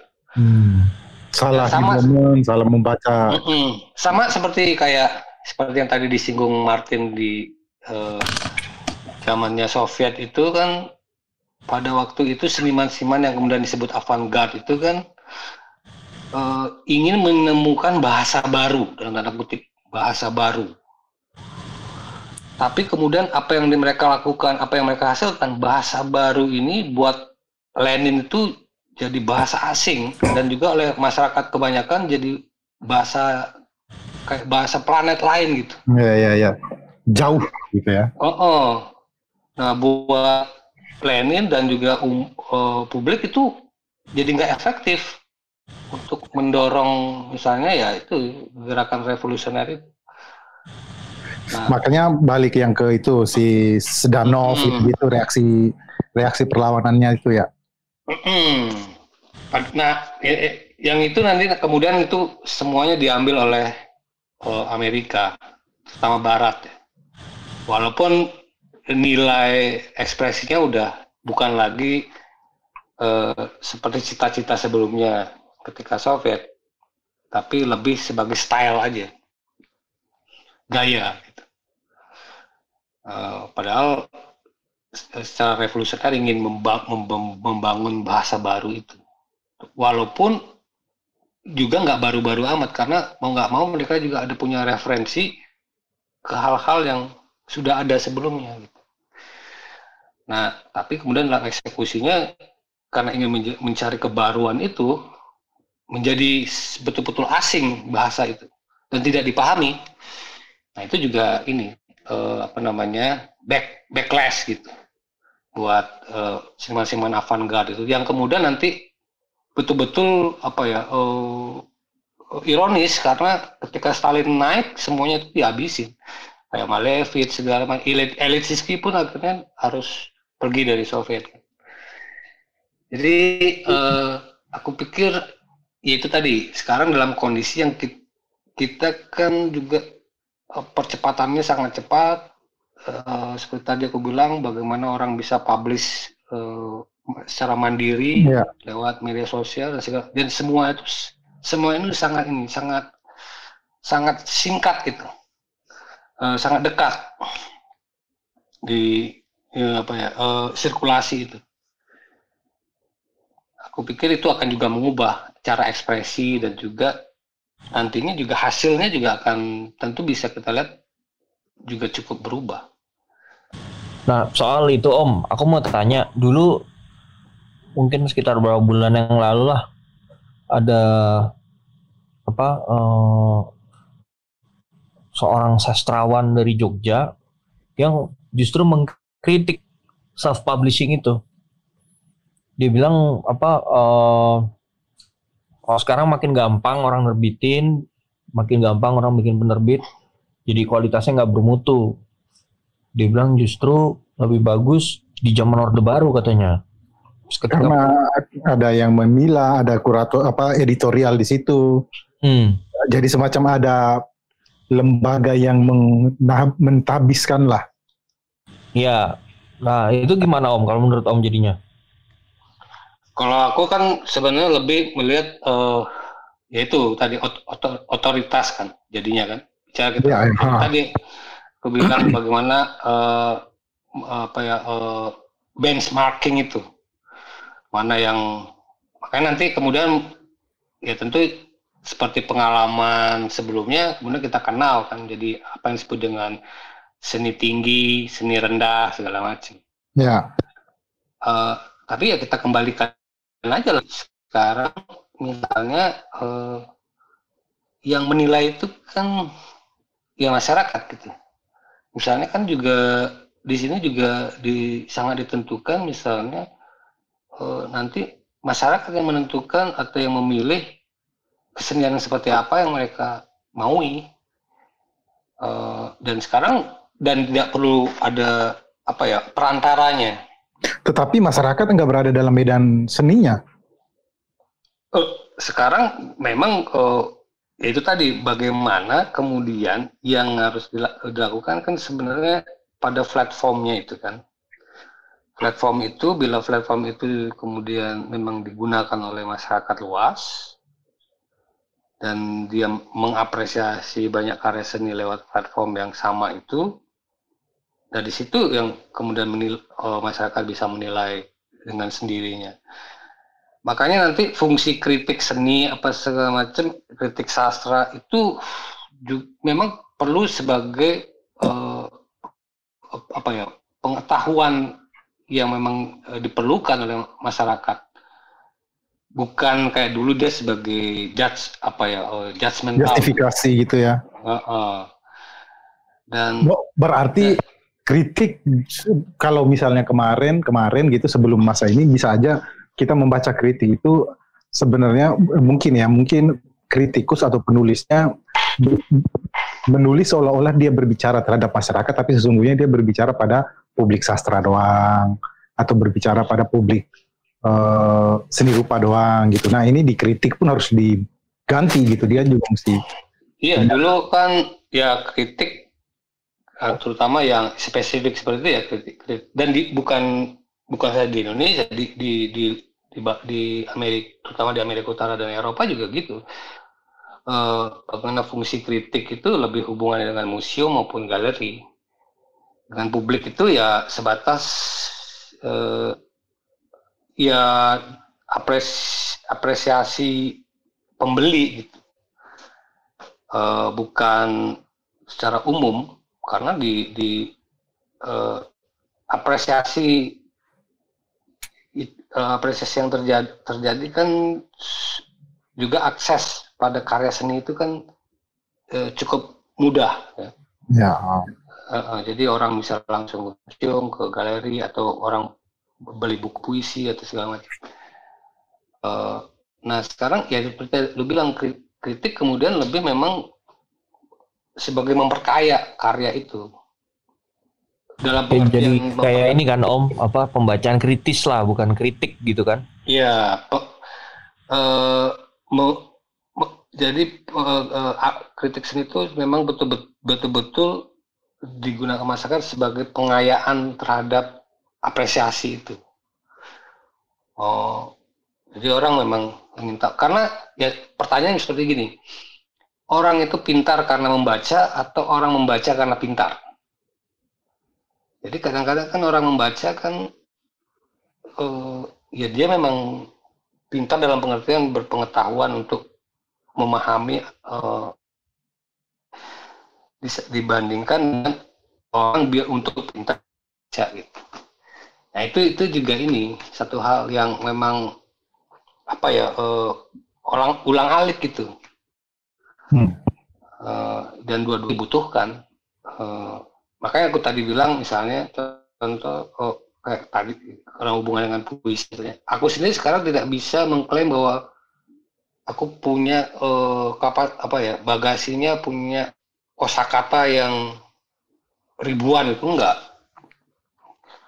Karena mau nggak mau kita menggunakan kata kosakata dalam bahasa kita yang kita kita gunakan sehari-hari juga nggak banyak-banyak amat gitu Eh, nah sering kalinya begitu Loh, kalau misalnya tadi tuh di karya-karyanya Mas Alit kan banyak tuh sifat interteks itu. Mungkin ini kaitannya dengan kritik fungsi kritik karena kan sifat interteks itu kan kelihatan misalnya kayak waktu puisi yang aku ingin seribu, dua ribu, tiga ribu dan seterusnya itu. Itu kalau orang nggak baca dan orang nggak pernah baca Khairil, dia nggak akan Iya, "Eh, betul. ini kenapa tiba-tiba seribu, dua ribu dan seterusnya. Kan maksudnya aku ingin hidup seribu tahun lagi terus di terjemahan penantian di masa corona. Jadi itu mu- mungkin fungsi kritik menjelaskan bahwa ada Iya. sifat interteks yang tersembunyi. Kayak misalnya posternya Alit yang belakangan kan juga ada ini nih Mas apa yang ini loh Mas poster apa badak mukanya tuh Trump, Donald Trump, tapi posturnya ini gitu. Kalau orang nggak tahu sejarah Rusia, sejarah poster Rusia kan nggak ngeh gitu bahwa itu sebenarnya plesetan Iya. dari apa gitu. Nah itu mungkin itu fungsi kritik di situ kali ya menjelaskan layer pemaknaan. Heeh. Dan ya itu memang ya pengalaman artistik eh, setiap orang juga Berbeda-beda ya. berbeda- berbeda-beda. Enggak, pemak- makanya itu interpretasi pemaknaan itu menjadi berbeda pada setiap ini yang sama. Eh, betul juga kata Martin tadi. eh, ya misalnya dalam puisiku banyak misalnya mengambil dari eh, apa ya eh, puisi Kasana. Kasana. puisi yang eh, aku maknai ulang gitu Hmm. Eh, untuk, untuk eh, apa ya untuk untuk diri sendiri Loh, tapi yang tentunya eh, ten- ten- tentunya akan mungkin orang kemudian membaca itu karena pemaknaan yang tidak sama tentu punya makna baru mungkin. Aku nggak tahu juga. Seperti tadi misalnya kayak Berto membaca dari atas ke bawah ba- eh, bawah ke atas itu kan bagaimana dia melihat itu kan. Dan puisi itu puisi yang kubuat itu memberi memberikan kesempatan itu. Dan Memungkinkan. itu ya kemungkinan kemungkinan itu kan juga kadang-kadang bukan si seniman yang membuat kadang-kadang. Nah sama seperti aku membaca puisi jadi eh, ya betul tuh bagaimana kritik seni nanti ya me- apa ya eh, men- lebih eh, memberi referensi baru dari orang mel- melihat karya seni atau puisi. Kalau gitu sama halnya dengan yang avant-garde tadi dong mas, yang apa Lisitsky, kalau dalam puisi itu ada Mayakovsky dan seterusnya yang nggak bisa dibaca langsung oleh petani karena beban mereka harus baca moder, harus tahu modernisme dulu, baru kemudian tahu oh ini maksudnya perlawanan pelesetan terhadap modernisme sehingga harus diperantarai oleh kritikus gitu. Nah dalam hal ini kan berarti mirip-mirip kayak gitu juga sebetulnya. Eh, nah, kalau di sejarah Rus di di apa eh, konstruktivisme Rusia atau revolusi Rusia itu kan memang ada order untuk mencari ke yang baru itu. Yang betul-betul kan itu untuk memutus eh, apa eh, pengalaman estetika borjuasi kan yang sebelumnya eh, apa yang sebelumnya menguasai eh, kasanah kesenian yang elitis gitu. Tapi kan ketika mencari kebaruan ini makanya kemudian kita kenal dengan utopia segala macam yang malah memang betul-betul ya dalam tanda kutip kebablasan gitu. Jauh banget. Eh, sehingga mau nggak mau ya kembali pada realisme itu lagi gitu kan. Bagaimana yang karena dulu misalnya sampai ke seni patung ya eh, dalam seni patung makanya lewat kubisme bagaimana kemudian tokoh-tokoh revolusioner itu dibuatkan patung yang bentuknya kubistis gitu dan rakyat marah Mukanya kayak balok kayu gitu ya. Eh, eh, rakyat kan marah itu nah ini kan sama juga dengan Rakyat bilang ini kalau merusak pahlawan gue. Heeh. Sama juga dengan futurisme Itali. Ketika itu kan di futurisme Itali kan yang sebenarnya lebih ke kanan jadi fasis, eh, yang kemudian men- mendeklarasikan an- an- anti grace itu kan. Makanya semua karya-karya klasik itu kan dihancurin gitu segala macam. Tapi ya itu itu lagi apa namanya kembali lagi pada eh, apa ya eh, apa eh, makanya kayak nah itu juga sangat berkaitan dengan puisi juga kan kayak kalau di futurisme Italia kan Marinetti segala macam kan Eh, bagaimana Manifestonya mereka itu kan. oh, oh. Kan si Mau Filippo membanjiri museum katanya. Oh, oh. Filippo Marinetti kan juga eh, penyair kan itu yang jadi eh, Iya. apa yang yang jadi motor dari turisme itu makanya dan makanya mereka eh, dan mereka melihat kecepatan ya kecepatan yang secara ini ya kecepatan misalnya kayak mobil balap apa segala macam Iya. senjata, tank, Ah, ah. terbang.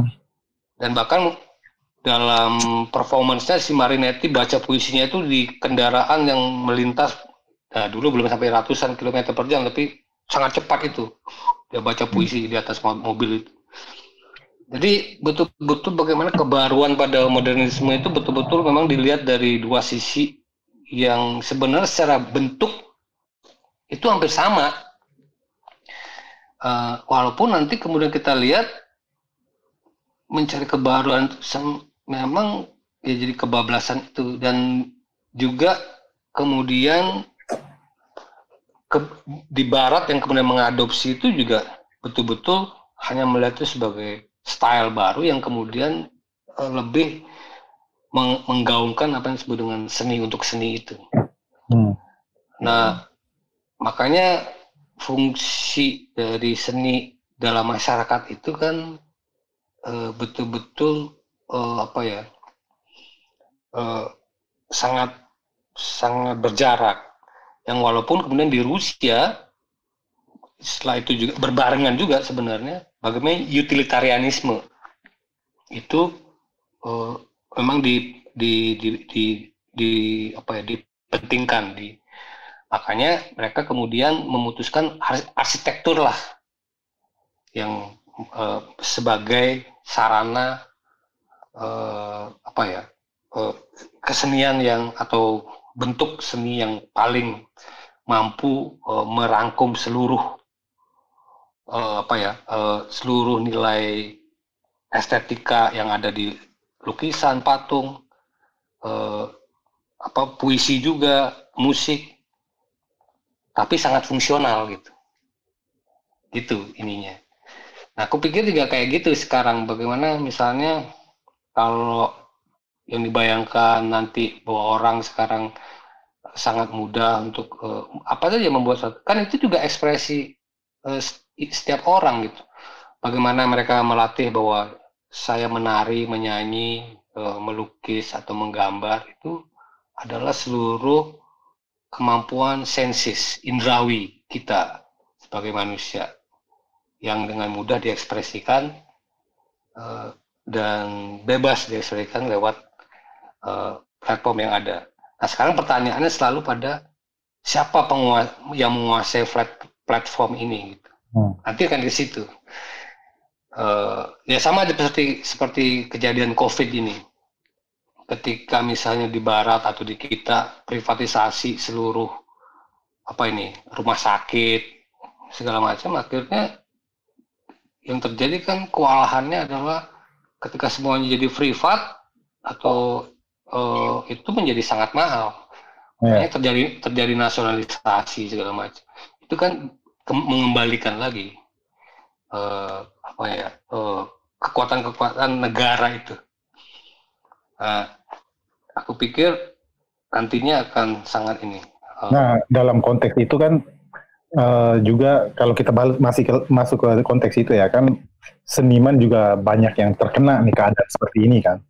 Maksudnya di satu sisi dunia ada perubahan nih, ada sebuah ada sebuah fase atau sebuah momen yang semacam dunia ini lagi kayak ambil aba ambil aba-aba untuk masuk ke sebuah perubahan baru.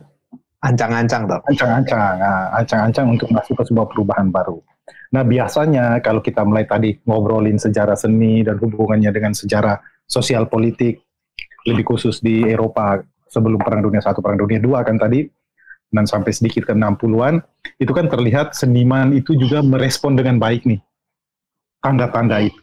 Nah, sedang sekarang nih gue melihat ada sebuah sesuatu yang agak ironis karena seniman kita pun terdampak banyak betul nih. ya betul. Nah, dalam keadaan seperti ini nih, katakanlah eh, bagaimana cara mereka bisa melihat ini dan menangkap ini. Sedangkan mereka pertama-tama basis dulu nih yang harus diurusin nih. Ya makanya itu eh, kemel- apa ya eh, eh, di dalam keterangan masyarakat kapitalistik kan seniman profesi ya bagian sebuah sebuah bagian skrup dari industrialisasi itu Ya, ah. Eh, hampir semua bentuk produksi berkesenian itu apa ya eh, secara organisasi itu sangat korpor- korporatif.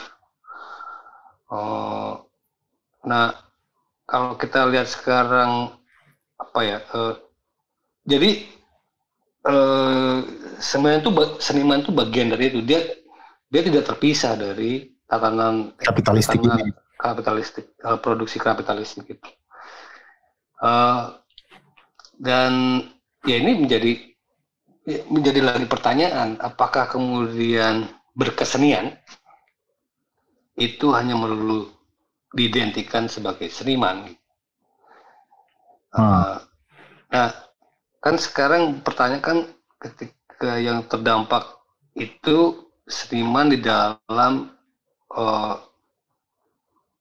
eh, sisi ekonominya Ya, tapi baga- bagaimana secara sisi ekspresi dan produksi eh, Hmm. atau proses kreatifnya? Tentu akan akan akan juga terpengaruh berubah misalnya.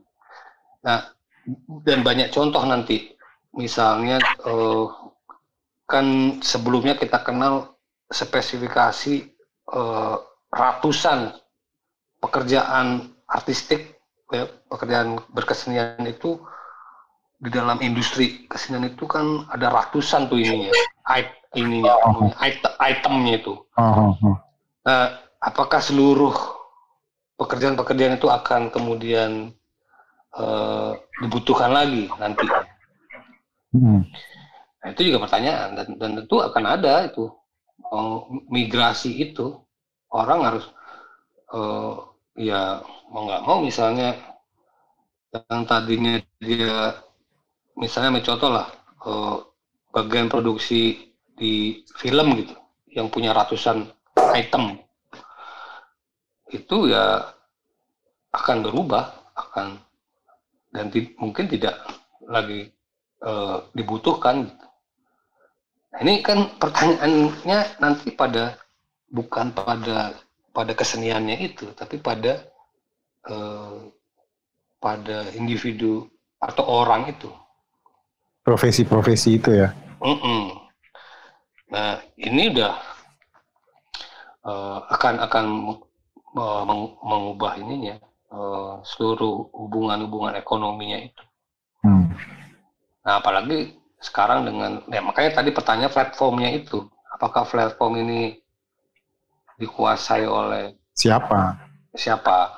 Nah, yang yang sekarang ada itu masih diku- dikuasai oleh pri- private co- Iya. corpora- cor- Dan- korporasi pri- yang yang ya sama juga kan dengan eh, zaman-zaman dulu perang dunia satu perang dunia dua juga teknologi-teknologi ketika yang tadi Marinetti segala macam kan di masa-masa yang teknologi zaman itu juga sampai sekarang ya private juga semua yang yang me- menguasai gitu kan. Iya, dan itu.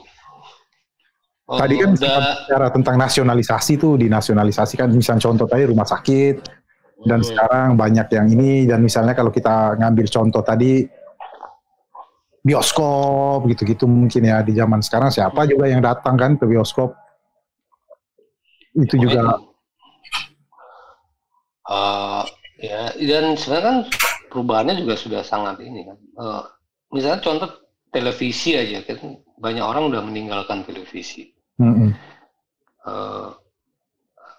co- bu- dari dari nah di setiap negara mungkin eh, ber- berbeda-beda ini lompatannya. Kalau kita kan kelisanan kita udah lompat dua kali kan.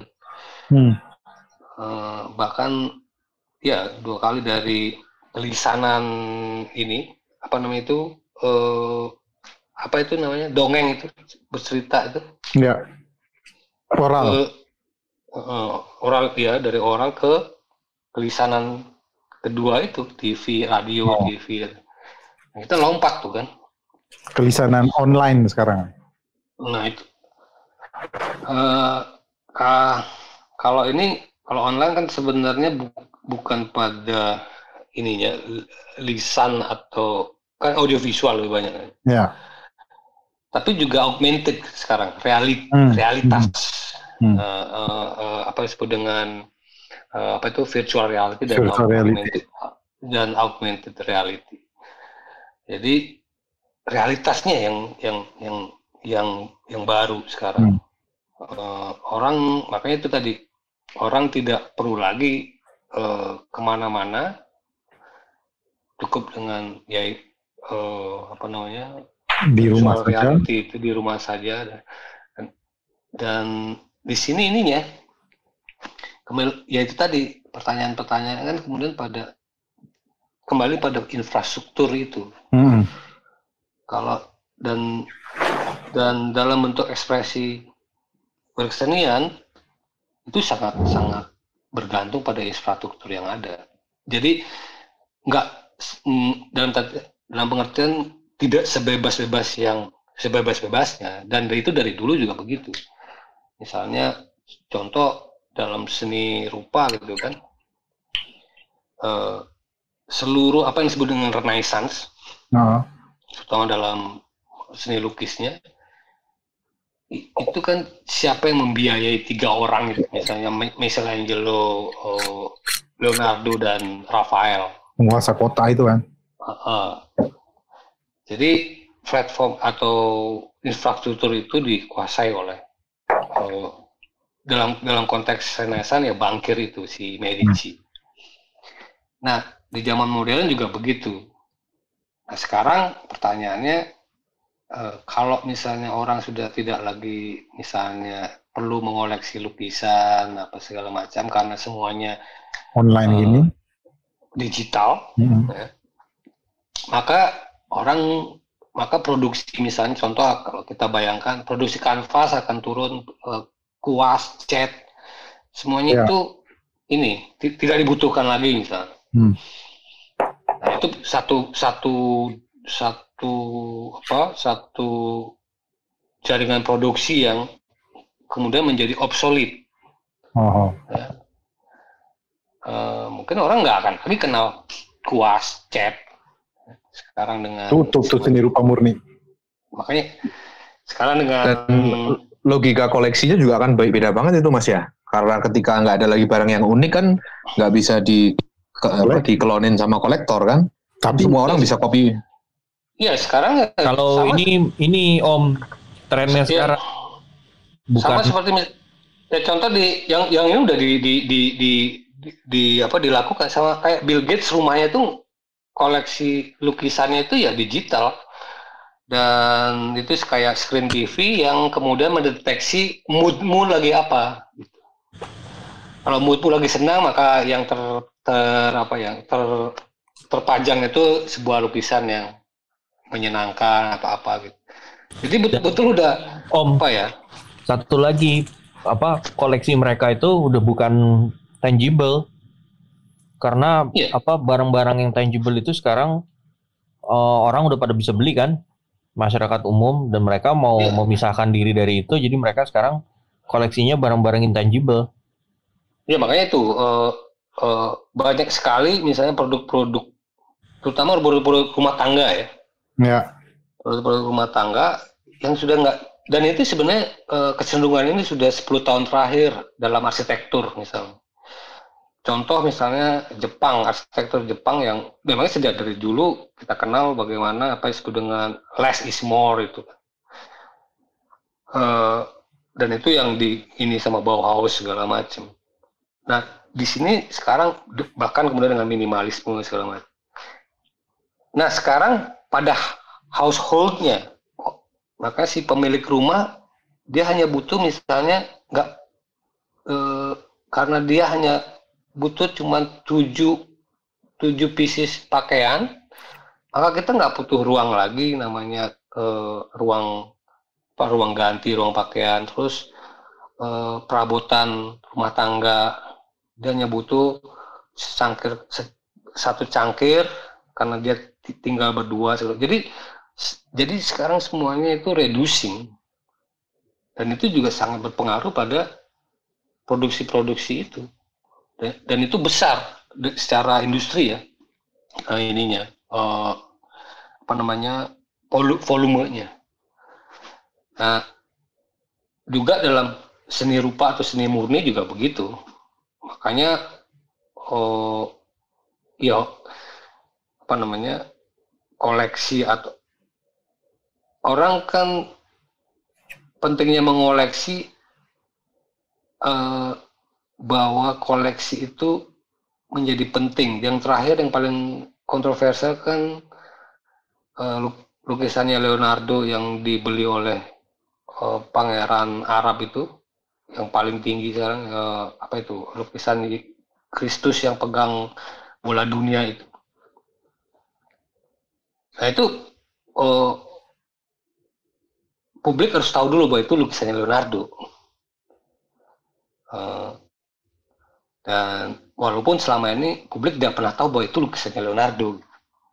Hmm. Jadi eh, pengetahuan itu yang menjadi penting. Jadi seluruh karya seni, proses kreatif, karya seni, kalau tanpa pengetahuan tuh, ya dia nggak ada gunanya. Dia nggak punya nilai apa-apa. Makanya yang dibutuhkan pengetahuan. Nah, pengetahuan itu juga bagaimana itu menjadi common knowledge. Nah itu yang tadi ku maksud tuh Om. Bahwa sekarang kolektor-kolektor itu koleksinya jadi intangible. Mereka udah Iya. nggak koleksi lukisan. Jadi intangible, intangible apa ya pengetahuan. Ya makanya Mereka sekolah, sekolah tinggi-tinggi. Mereka sekarang bikin salon, ngundang orang pintar ke rumahnya untuk ngobrol. Jadi yang dikoleksi orang pinternya. Oh bukan salon baju apa rambut itu ya? Saudara? Heeh. Nah, jadi yang dikoleksi orang pinternya, bukan bukan lukisannya. Iya, Jadi makanya eh, kalau misalkan kayak gitu tetap akan ada kesenjangan ini karena artinya ketika orang biasa di jalan Di kontrak gitu ya. Heeh, orang biasa di jalan main smartphone sedangkan orang-orang itu mereka belajar di Oxford, di Cambridge, bahasa Yunani, bahasa Latin gitu. Ya, mak- makanya itu nan- nanti mungkin saja ya karena basisnya online eh, orang bisa kayak dulu filsuf-filsuf dulu yang berdiri di plaza-plaza ngobrol ngomong apa gitu kan. Karena nggak online aja kan. Eh, mungkin seperti itu nanti ininya. Dan sekarang juga aku baca terakhir dan ini sedang diprotes. Kot- eh, eh, apa provinsi eh, negara bagian New York itu udah ketemu Bill Gates untuk mengubah seluruh sistem pendidikan. Eh, dan itu ya kembali lagi ti- knowledge itu ya dalam konteks itu ya tetap menjadi eh, properti. Tapi berubah ininya eh, prosesnya. Ya seperti sekarang eh, ya online bentuknya dan segala macam Eh, nah itu tadi bagaimana infrastruktur itu yang eh, yang harus harus tersedia. Jadi sekarang memang apa ya eh, akan akan mengubah seluruh itu eh, seluruh proses itu tadi dan termasuk proses kreatif itu sendiri. Jadi mo- mode of production dan mode itu berubah. Nah, eh, seniman juga proses kreatif akan berubah. Dan ini sebenarnya bukan hal baru, Selalu bu- Dalam- ada masa-masanya belum Heeh. kayak gini ya. bukan hal baru dalam proses kreatif itu berubah. Eh, Tradisi-tradisi itu kan dari seluruh kebaruan yang, yang pernah pernah dicapai, gitu. yang kemudian menjadi tradisi, toh. Nah, itu nantinya mungkin juga akan kita me- me- menghasilkan tradisi baru. Gimana dok? Nah, kalau misalkan online tapi ada paywallnya nggak ngaruh juga lah Om. Ya, makanya itu. Paywall gimana sih dok? Apa? Coba lu jelasin. Paywall, paywall tuh apa nih paywall? Mah harus bayar gitu. Ya, makanya itu yang terjadi sekarang kan selama ini tidak belum ada eh, se- sebutlah misalnya tuntutan bagi pengguna eh, terutama internet ya untuk eh, membuat flat tarif seluruh ini. Eh, sekarang kan semuanya provider yang menentukan berapa tarif lo menggunakan ini. Dan ini belum belum tidak pernah menjadi pembahasan eh, yang yang merupakan sudah sebenarnya seperti aku bilang internet sudah masuk dalam pasal 33 konstitusi. Jadi bukan lagi hanya bumi, tanah dan air, tapi bumi, tanah, air dan internet. Hmm. Iya Jadi karena karena karena karena yang nggak masuk ke situ kan udara kan sebenarnya. Nah udara itu internet sebenarnya. Jadi bumi, tanah, air dan udara gitu.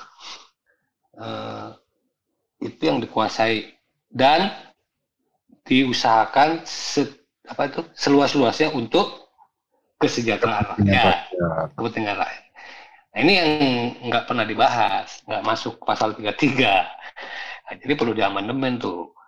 Eh, Itu banyak tak apa apa kayak tuntutannya Pak gerakan anti neolib kan sekarang kan kayak si siapa Antonio Negri, Michael Hart tuh di buku Empire itu salah satunya kan itu bahwa semua sumber pengetahuan itu harus gratis dan internet harus gratis. Jadi open access untuk semua buku dan jurnal dan internet gratis untuk semua gitu. Kayaknya memang tendensinya ke situ ya Mas. ya? Iya, eh, Apa itu de- decentralized internet itu ya? Iya, itu sebenarnya- Silicon Valley. dan dan sebenarnya itu eh, yang pertama kali mengusahakan itu kan Al Gore ya. Al- ketika Al Gore pertama kali jadi eh, wakil presiden Amerika yang pertama dilakukan adalah buat flat tarifnya itu Oh, makanya algoritma itu ya. Oh, jadi algoritma. nah ini ini yang nggak pernah dibahas. Sekarang kita misalnya contoh, eh, dicabut aja ininya provider udah orang kelimpungan, mati aja itu. Iya. Dan dan dan dan tidak ada tuntutan, eh, eh, juga tidak ada bagaimana cara kontrol terhadap itu. Eh, makanya itu perta- pertanyaannya sekarang ini di jala, di zaman COVID ini apa yang esensial itu? Itu itu pertanyaan pertanyaan mendasar. Eh, kalau sekarang internet internet adalah esensial, ya tentu dia harus memang betul-betul eh, apa diupayakan untuk eh, memang untuk eh, kepentingan banyak orang. Amandemen pasal 33 itu ya. Heeh. Nah, Ini kita kok sampai amandemen Ya. Ah, iya. Itu itu hal-hal infrastruktur kayak gitu tuh harus diselesaikan dulu sebelum kita lompat ke pembahasan yang ya yang tadi yang ngomongin soal bagaimana Estetik, kritisnya, estetik. Kayak bagaimana masyarakat me- Ya, eh. Itu mengapresiasi. sama sama misalnya kita ngomongin misalnya tentang apalah eh, sebutlah kekurangan yang lain ketika misalnya kita akan berbeda diskusinya ketika semua orang punya akses pada air bersih kita ngom, eh, ngomongin sesuatu hal yang tidak dimiliki oleh yang lain orang lain gitu. tidak didapat oleh orang lain nah sekarang kita nggak setara tuh ini kalau kita diskusi tentang ketimpangan sosial apa Hmm. segala macam. Nah, karena itu tadi eh, basic needs itu tidak kita tidak tidak kita eh, dapati setiap orang sama enggak. Iya. Misalnya sekarang lu suruh cuci tangan terus terus airnya hitam. Mana? Mas Nah, Martin, ya sama sekarang kita ngomong ya, ya, ya. tadi yang internet tadi Kenapa, apa? Rus? Namanya Kenapa, Rus? apa? Hah? Yang tadi Oh, yang ini. Oh, ini internet untuk semua itu ya. Hmm. Itu kan Antonio Negri dan Michael Hart yang nulis buku tahun 2000 itu, Empire judulnya. Tapi yang tadi disebut Edo itu decentralized internet itu internet itu maksudnya internet yang eh, semua orang bisa berkreasi maksudnya kayak nggak ada server pusatnya gitu. Oh ini Itu ide dari film lain itu. Torus belum kenal sama belum kenalan secara langsung sama Om Alit ya? belum belum. Nah Om Alit jadi Halo, kita Om tuh ditemani oleh Torus. halo halo terus. Torus adalah semacam apa eh, Juru rekam. malaikat penjaga awalnya kita lah. Ya makanya ini orang-orang kepada Taurus ini Ah. ya, yang kan yang sangat-sangat penting nantinya IT segala macam itu. Hmm. Om, om, om, stop, stop. Jangan digitu-gituin, om. Jangan digituin udah ntar dia ngelunjak dia. Iya emang nggak perlu, perlu perlu. Makanya, nak minta naik gaji aja terus. Enggak. Kata Taurus bukan naik gaji, bayar aja dulu gajinya. Dia bilang gitu. enggak, saya enggak pernah nyari gaji, Om. Iya, Saya nyari pengetahuan. makanya. Ya, eh. Jadi ya aku pikir ya itu tadi eh, nanti common common knowledge-nya itu seperti itu. Karena sebelum ini kan mungkin i- zaman kayak Apaan terus? Terus? Apaan tuh? Iya, iya, iya. Oh. Sorry, sorry, sorry. Ini gua matiin aja mic gua. Hmm. itu apa itu? Pas lu mau ngomong baru nyalain terus. Mm-mm. Jadi gitu, Berto. Iya. Do gimana do? Eh, waktu kita masih lumayan sih sebenarnya. Maksudnya 10 menit lagi sih. Belum. Sebenarnya tadi harusnya gue catat sih, gue lupa. Apa? Gak gue catat. Cuma ada banyak gue pertanyaan-pertanyaan terkait puisi atau enggak ataupun bukan gitu. Cuma gue kelupaan karena takut kalau misalkan gue motong Hmm. berhenti nanti. Sebenarnya itu alasan aja gue gak ada pertanyaan. Enggak, enggak, enggak. Apaan tadi ya? Gue lupa.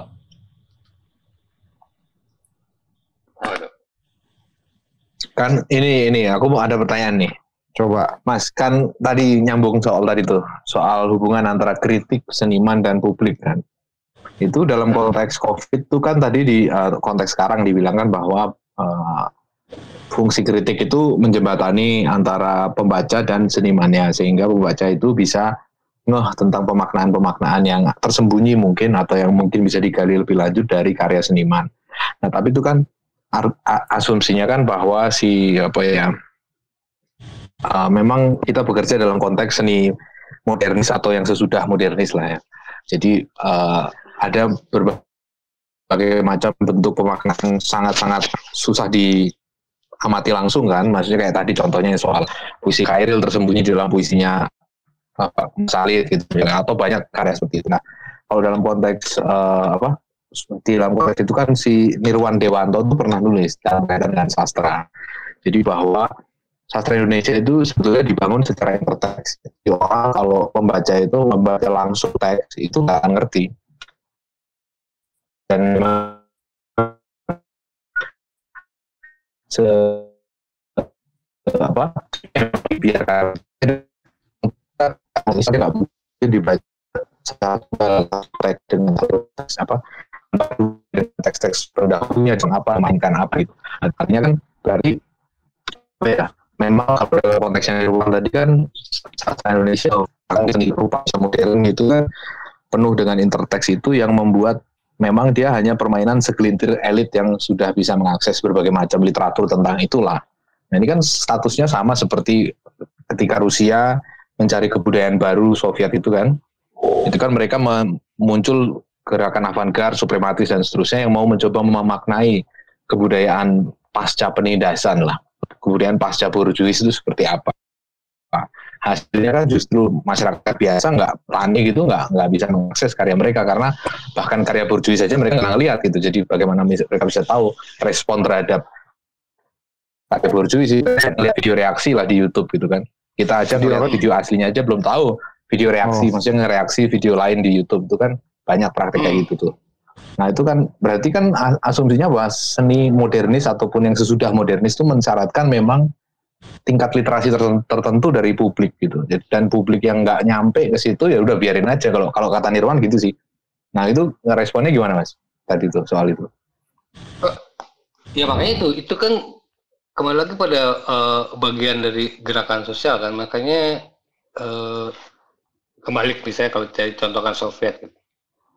Eh, Rusia, avant-garde, avant-garde Rusia itu kan juga mencari kebaruan itu ya nggak sama sekali, sama-sama sekali baru, sama sekali. gitu. Mereka kembali juga kepada tradisi eh, apa ortodoks, eh, Russian ortodoks walaupun diganti itu ininya semua eh, apa namanya simbol-simbol ortodoksinya tapi eh, pengetahuan orang tentang misalnya contoh gini eh, di setiap rumah Rusia itu ada ikon Kurang bir nih gue nih anjing. di ada ikon ya. Orang Rusia itu sangat dekat dengan ikon. Nah, ketika konstruktivisme Rusia dia menggunakan ikon itu yang berada di pojok eh, biasanya di pojok kamar ya, ditaruh ikon itu. Nah, kemudian salah satu misalnya Tatlin. Karya-karya Tatlin menggunakan pojok ruangan sebagai eh, cara ekspresi baru eh, apa eh, mere- me- me- merepresenta- merepresentasikan karyanya yang tentu dalam konteks karya Tadlin ya konstruktivisme gitu ya. Tapi pengalaman orang melihat sesuatu di pojok ruangan itu ada pengalaman orang bukan sama sekali baru. Walaupun eh, pemahamannya lain karena bukan lagi dilihat Yesus di situ ada Bunda Maria tapi karya konstruktifnya Tatlin yang mengaitkan pada eh, bahasa baru yang revolusioner gitu. Nah dan dan apa ya eh, kembali lagi misalnya ya sama seperti Rusia ketika itu hampir 90% eh, di Rusia itu buta huruf di bawah garis kemiskinan. Makanya juga pertanyaan yang sangat aneh eh, pada kenapa revolusi Bolshevik itu terjadi di Rusia, Hmm. bukan di Jerman gitu. Tapi kenyataannya kan kemudian setelah itu terjadi revolusi dan yang dilakukan adalah bagaimana adalah pemberantasan buta huruf. Di Indonesia begitu. Eh, eh, jadi apa ya istilahnya? Eh, jadi tidak secara given itu kesenian walaupun tadinya si seniman kan yang diminta di, makanya disebut dengan avant-garde atau garda terdepan gitu untuk mencari kebaruan atau budaya baru itu tapi untuk kepentingan secara sosial memang dibutuhkan eh, eh, apa eh, pengorganisasian pengorganisasian sosial seperti pemberantasan buta huruf kemudian elektrifikasi kemudian kayak, kayak gitu itu seluruh bagian dari apa ya eh, proses politik itu sendiri. Nah, jadi kalau konteksnya ke, ke kesenian, makanya kebablasannya di situ. Jadi eh, si Lenin kan berpikir kalau si senimannya dibiarkan kayak gini, nggak efektif buat gue untuk dipakai untuk sebagai ya kembali lagi pada sebagai propaganda dan agitasi. kan. Nah, jadi kalau apa yang dikatakan si Nirwan ya itu yang juga berlangsung di sebenarnya di Barat kan, di terutama di Amerika Utara dan Eropa. Memang ditinggalkan dan terjadi elitisme eh, di dalam Ya, ya. seni seni modern. Jadi bukan itu bukan apa eh, apa unik Indonesia enggak. Itu kan karena kita mencontoh Amerika, Amerika atau Eropa. Yang terjadi di sana memang begitu. Eh, jadi tidak ada proses eh, yang sebenarnya sebelum seni rupa apa sebelum avant-garde atau yang apa kita berpindahnya pusat kebudayaan dunia dari Eropa ke Amerika Utara Perancis ke New York itu ya. Uh, uh, itu sebenarnya di Amerika Utara terjadi sosialismenya Amerika kan terutama di dalam kesen- kesenian terutama Iya. juga dalam seni, seni lukisnya yang salah satunya si Thomas Hart Benton itu yang sebenarnya gurunya Jackson Pollock Oh. uh, yang sebenarnya melukis tentang sosialisme Amerika. Nah, itu yang kemudian di- digantikan oleh ini style yang datang dari Eropa ini, Eh, yang kemudian menghasilkan apa yang kita kenalkan abstrak Abstrak. ekspresionisme itu. Jadi eh, apa ya eh, dalam konteks itu memang ya sangat elitis yang terjadi apa yang disebut dengan pembangunan budaya itu eh, dalam kasana eh, terutama di eh, orientasinya di Amerika walaupun yang kemudian itu kan kemudian juga ada industrialisasi seperti Hollywood dan segala macam. Itu yang mem- mem- membentuk sendiri. Dan juga pada eh, juga pada arsitektur dan segala kan semuanya pindah tuh dari makanya dari Bauhaus nanti jadinya Chicago kan. Dan dan semuanya apa ya? International style itu ya. Heeh. Nah, seluruh misalnya contoh eh, seniman-seniman Rusia yang lari dari Rusia setelah Stalin itu kan ditampung ke Hmm. Itu. Heeh. Jadi semuanya di situ masuknya. Jadi memang ya mau nggak mau itu semuanya kan memang eh, ini pembangunan budaya. Jadi bukan bukan apa ya na- naturally gitu. Nggak ada itu. Itu memang memang diproyeksikan. Eh, jadi tidak tidak tidak berlangsung alamiah enggak. Memang di, di, di- di- dibuat seperti itu. Sama seperti abstrak ekspresionisme kan itu pertama kali kerjasama antara seniman dan kritikus. Si siapa? Eh, jadi seniman itu kerjasama memba- membentuk sebuah style. itu.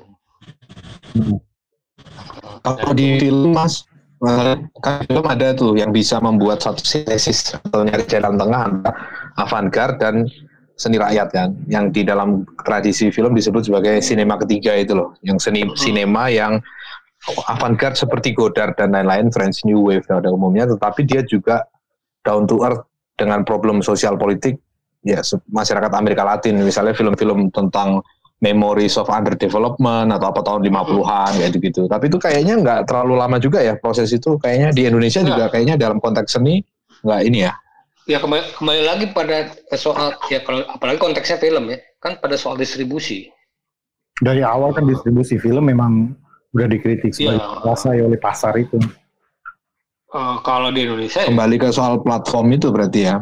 ya makanya itu bagaimana distribusi dan dan dan, dan sirkulasi itu. Kalau sekarang misalnya pendistribusian eh, eh, produksi produk-produk seni ini semuanya digital, ya, yang in, yang intangible ini kan jadi ini tuh jadi sangat apa ya sebenarnya cepat dan juga dalam tanda kutip murah. Nah dan ini menarik kalau aku bayangkan misalnya gini nih Eh, di rum, di daerahnya Berto itu misalnya Wah, jangan, jangan gitu dong. Iya. kan kalau dulu orang menenun, menenun kain, Ah, kan memasukkan cerita ke dalam kain. ya. Makanya seluruh bentuknya, terus apa namanya itu, apa itu gambar-gambarnya itu cerita sebenarnya. Lu kayaknya nangis toh. Nangis ya pasti. Kayaknya nangis loh. Nangis. Nah, mis- misalnya contoh kain sekarang Gue dengerin. dalam pro- dalam proses itu menjadi sebenarnya ber- se- sebuah cerita ya nah sekarang kan bentuk-bentuk itu kalau apalagi dalam tekstil itu kan pixel itu kan pixel itu sebenarnya tenunan itu nah itu kalau dipindahkan ke digital memang kita tidak butuh benang lagi nantinya pewarna. Tapi pindah ke digital itu. Dan tetap cerita bisa tetap masuk ke situ bahkan bisa diversifikasi. Tambah suara segala macam. Hmm. jadi apakah kemudian tenun itu hilang? Yang mungkin hilang dalam bentuk kain tapi dia apakah dalam bentuk cerita kemudian bentuk visualnya? Tetap ada. tetap ada gitu dan bisa disebarkan dan di apa ya didistribusikan di di diseminasi di, dis- diseminasikan secara cepat dan meluas ke mana-mana. Nah, itu itu bayangan ya bayangannya seperti itu nanti. Eh, itu core kain kan. Nah sekarang misalnya 3D printing ya. 3D printing ini juga sebuah proses yang sebenarnya seluruh bentuk oh yang tangible itu bisa ditransfer lewat digital dan dikirim ke mana pun dan diproduksi di rumah sendiri hanya di print di rumah mau bikin gelas mau bikin dan itu mungkin saja eh, dari bahan-bahan yang didaur ulang gitu. Nah itu Nah. udah mengub- mengubah lagi produksi. Oh, Ini masukan bagus nih buat apa digital eh, apa 3D printing yang ada di Good School nih. Makanya kan sekarang dan sebenarnya sudah lama tuh 3D printing ini membuat open source kan. Ya. Nah itu juga ke- kepentingannya di situ. Uh, belum lagi nanti uh, pusat-pusat energi berbahan uh, berbasis tenaga matahari segala macam lain. Jadi itu akan mengubah seluruh produksi itu. Nah, ter- dan terutama seni, terutama seni desain segala macam juga akan berubah. Dan itu akan mengubah desain itu sendiri. Uh, nah, aku pikir hal seperti itu ya memang harus diantisipasi. Kita nggak dan apakah kemudian kita meninggalkan pengetahuan yang misalnya contoh lah pengetahuan mengukir gitu Eh, eh, keterampilan kita mengukir. Bagaimana memindahkan pengetahuan itu menjadi eh, di- ke, ke dalam penge- pengetahuan baru yang mungkin di, dipergunakan dan dan itu sebenarnya proses yang sangat logis kayak tadi kain tadi itu kan susunan benang itu kan pixel bisa dihitung matematik gitu ya dan itu bisa disusun rumusnya segala macam jadi eh, dan itu dimungkinkan kayak gitu, algoritma apa segala macam kayak gitu Dok. Dok. itu juga puisi Oh, iya. yang seperti itu juga Nah, ini baru kembali ke puisi nih. Setelah panjang lebar kembali ke puisi nih, Dok. Rumah, pulang ke rumah toh. Pulang ke rumah dia akhirnya setelah melanglang buana seperti Oedipus, Dok. Oh, oh. Enggak, ma- makanya makanya motonya Word WordPress itu apa? Tahu nggak motonya apa? Coding is poetry kan? Coding is coding itu puisi. Yes. Nah, jadi eh, coding itu ya itu adalah puisinya nanti dan udah, udah, kita lakukan sekarang ini sebenarnya. Dan apakah nanti akan ada bentuknya ya seperti tadi 3D printing jadi it- it- nah itu it- dan dan itu semua puisi.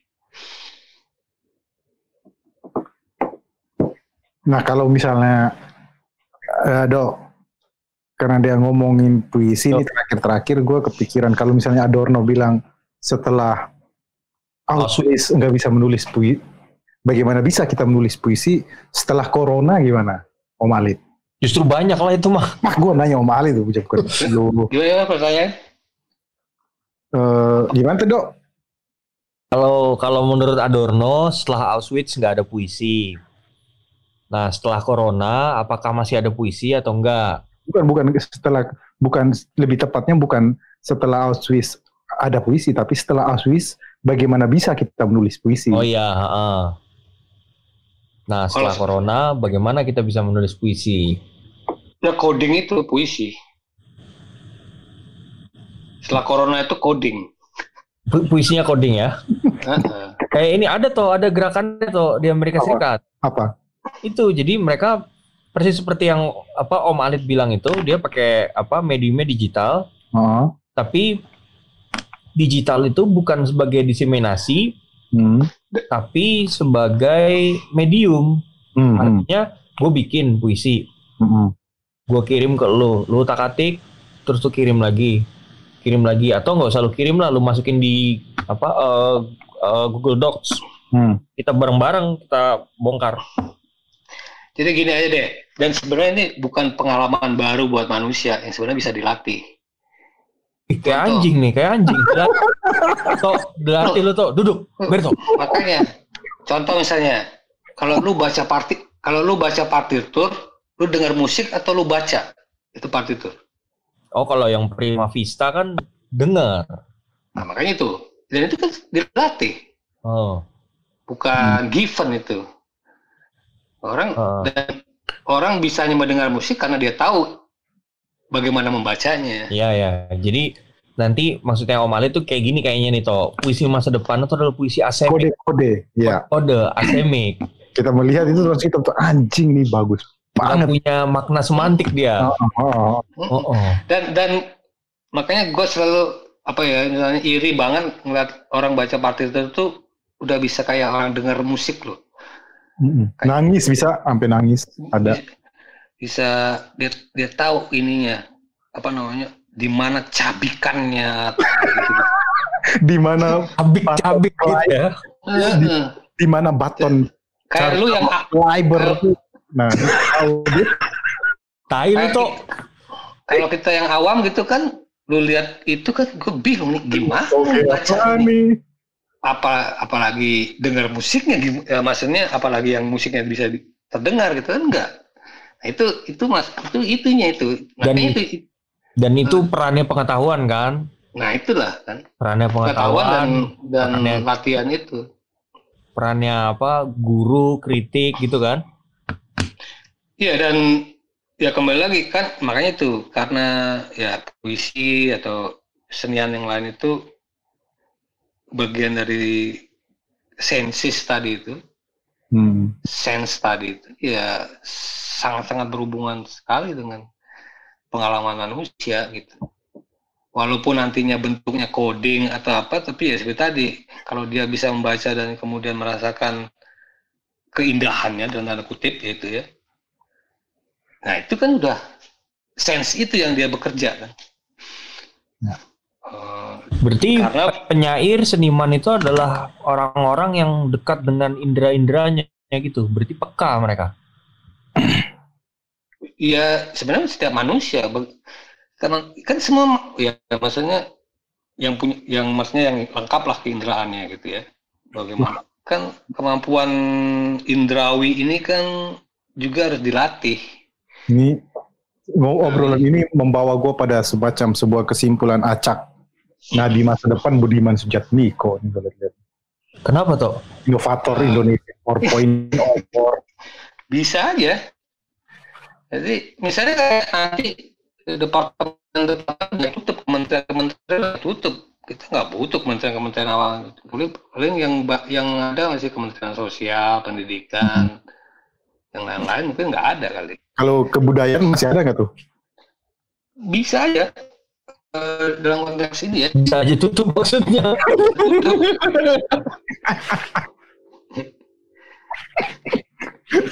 Tai.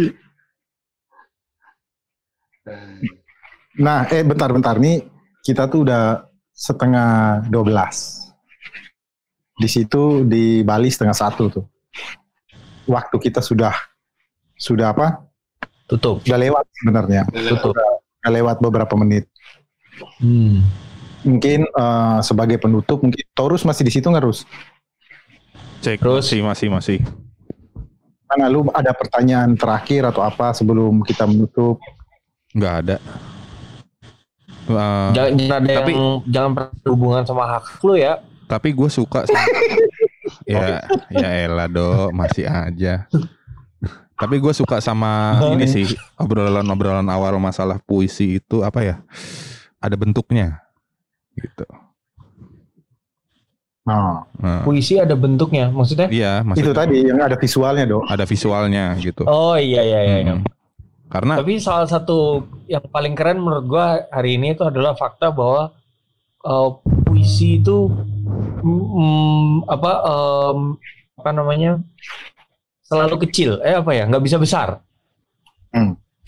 bisa Keren tuh. Nggak pernah ada penyair bikin puisi sebesar. Wah, lu lawan nama Om Malit lu berarti. Coba harus gimana? ya gue Ya, sih makanya itu, nggak nggak tahu apa- sih ini pendapat pribadi gue aja ya puisi itu bisa besar ya bayangin aja Oh. kayak si siapa Seper- seperti Pendapatan pribadi lu. Berapa pendapatan pribadi lu? Pendapat pribadi, Dok. Oh, pendapat. Gue kira pendapatan pribadi. eh, Keputus-putus kayaknya si Taurus ya. enggak enggak gue denger Oh, oh. kok Putus terus. masa putus enggak gue nggak putus kok Terus halo rusak. halo halo suaranya Keputus-putus lurus. suara kalian gue dengar Malah nggak ada sinyal tuh. Ongnya. halo halo Abu-abu. Ya udah. Oke, eh Oke, good. good. Good. Mungkin Good. eh, ini ini ya kalau boleh gua simpulkan kita sebenarnya Lu bisa semua tadi itu tuh. wah gila lo. halo halo halo Lu menghina gue lo. Lo bukan. Anjing banget ya. Iya. Enggak. Kalau tadi dibilang bahwa puisi itu tidak bisa menghasilkan sesuatu yang besar, dok. Halo, halo, halo.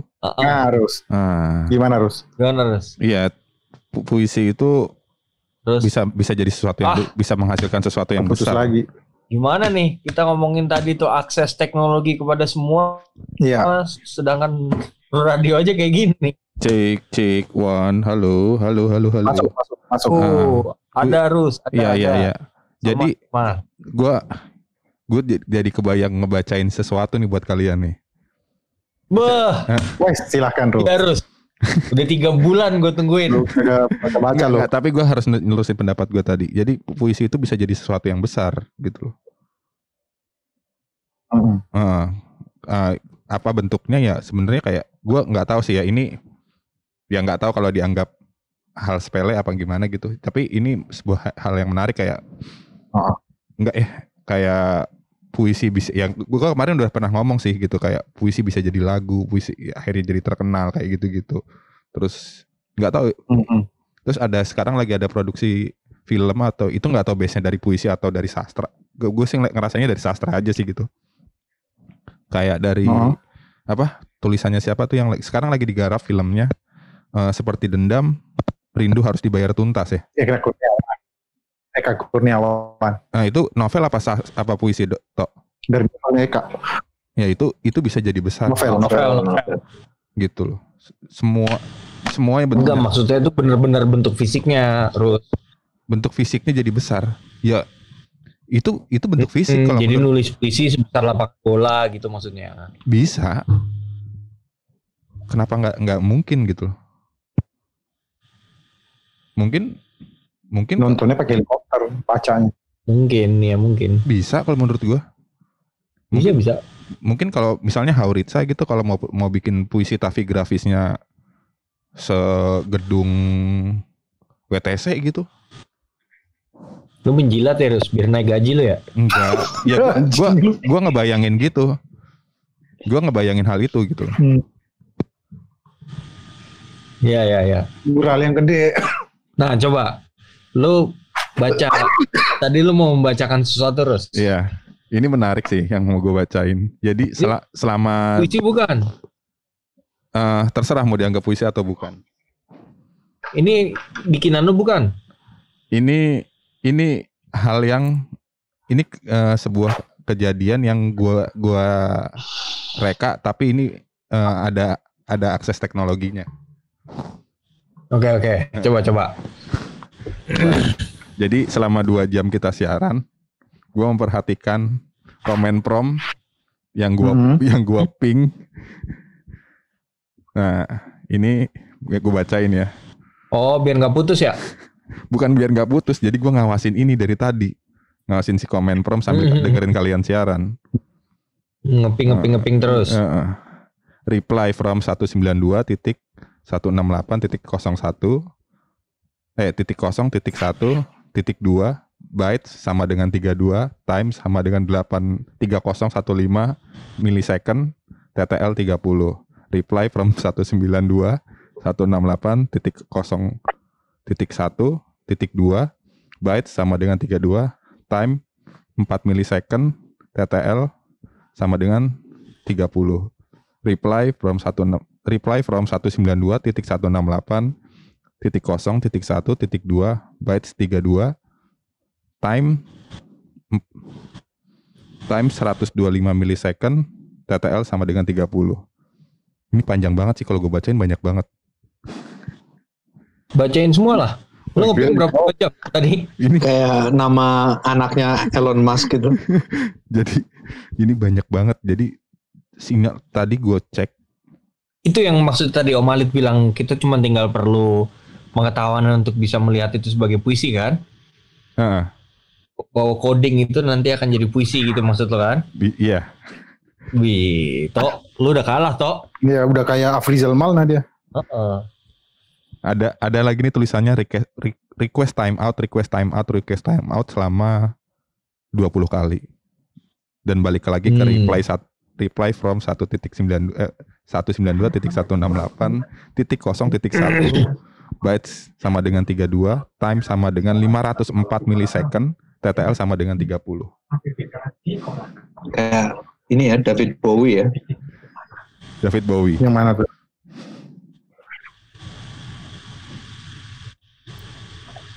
Oke, Rus. Hmm, Kirim ke gue ya. apaan? Yang itu yang tadi lu baca. Puisinya Yoi. Ini nggak mungkin diba macam ini ya. ini nggak mungkin dikirimin ke lu sih. Karena ini Kenapa? karena kalau ini lu, lu kira puisi, dia bentuknya bakalan berubah-berubah terus.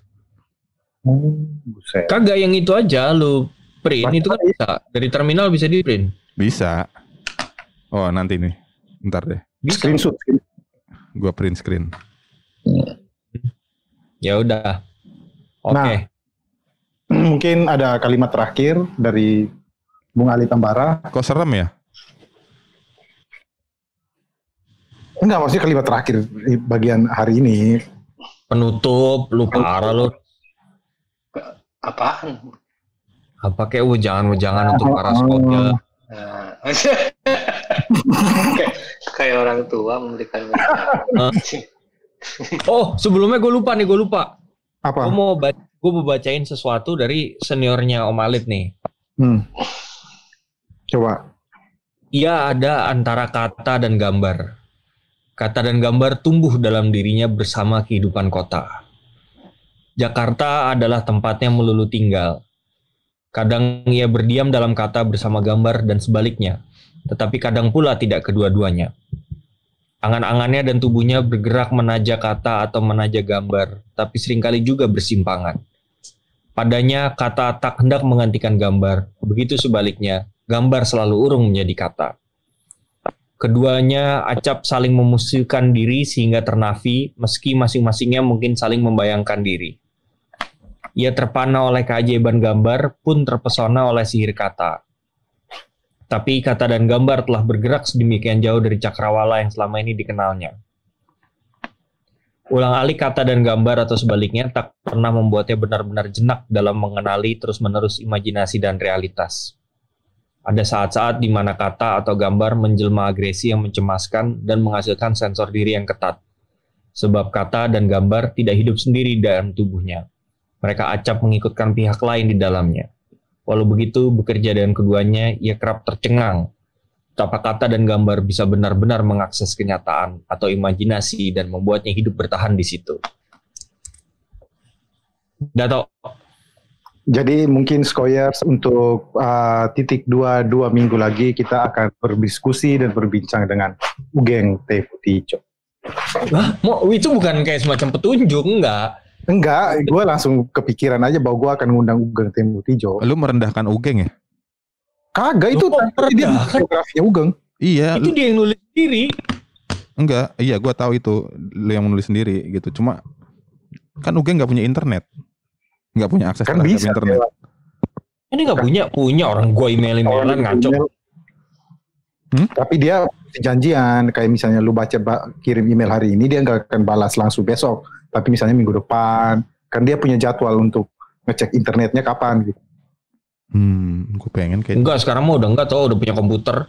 Oh udah punya? Punya komputer dia. Hmm. Gue email-emailan balas-balasan langsung. Oh, Oke, keren. em, ini apa? Itulah Coba- contoh dari perubahan dari seniman yang harus dilakukan seperti tadi. Salah satu poin dari diskusi kita ya. U- Ugeng harus berubah ya. Oke, dari eh, sebagai penutup, saya kira cukup tepat ya menggambarkan Ali Tambara ini ya. Kata dan gambar, kata dan rupa gitu ya. Iya.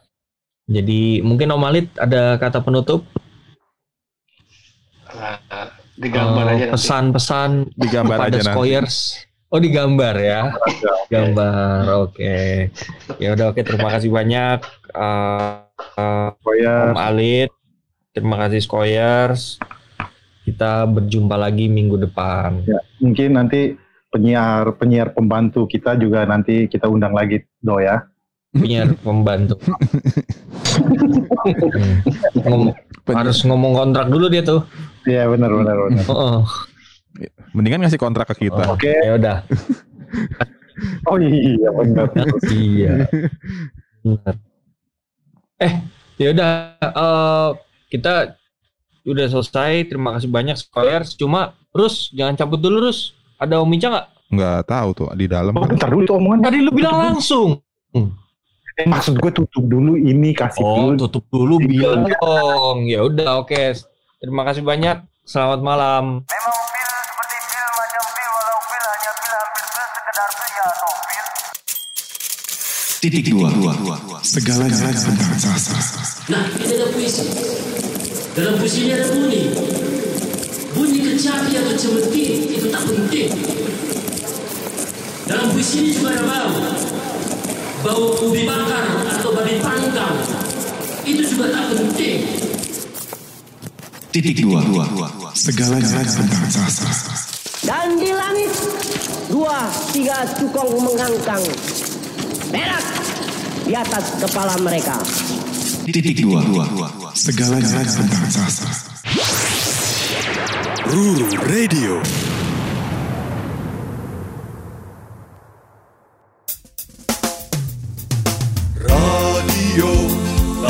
gelombang radio kontemporer. Hijauan burung menyapa hari Oh indahnya. Ruru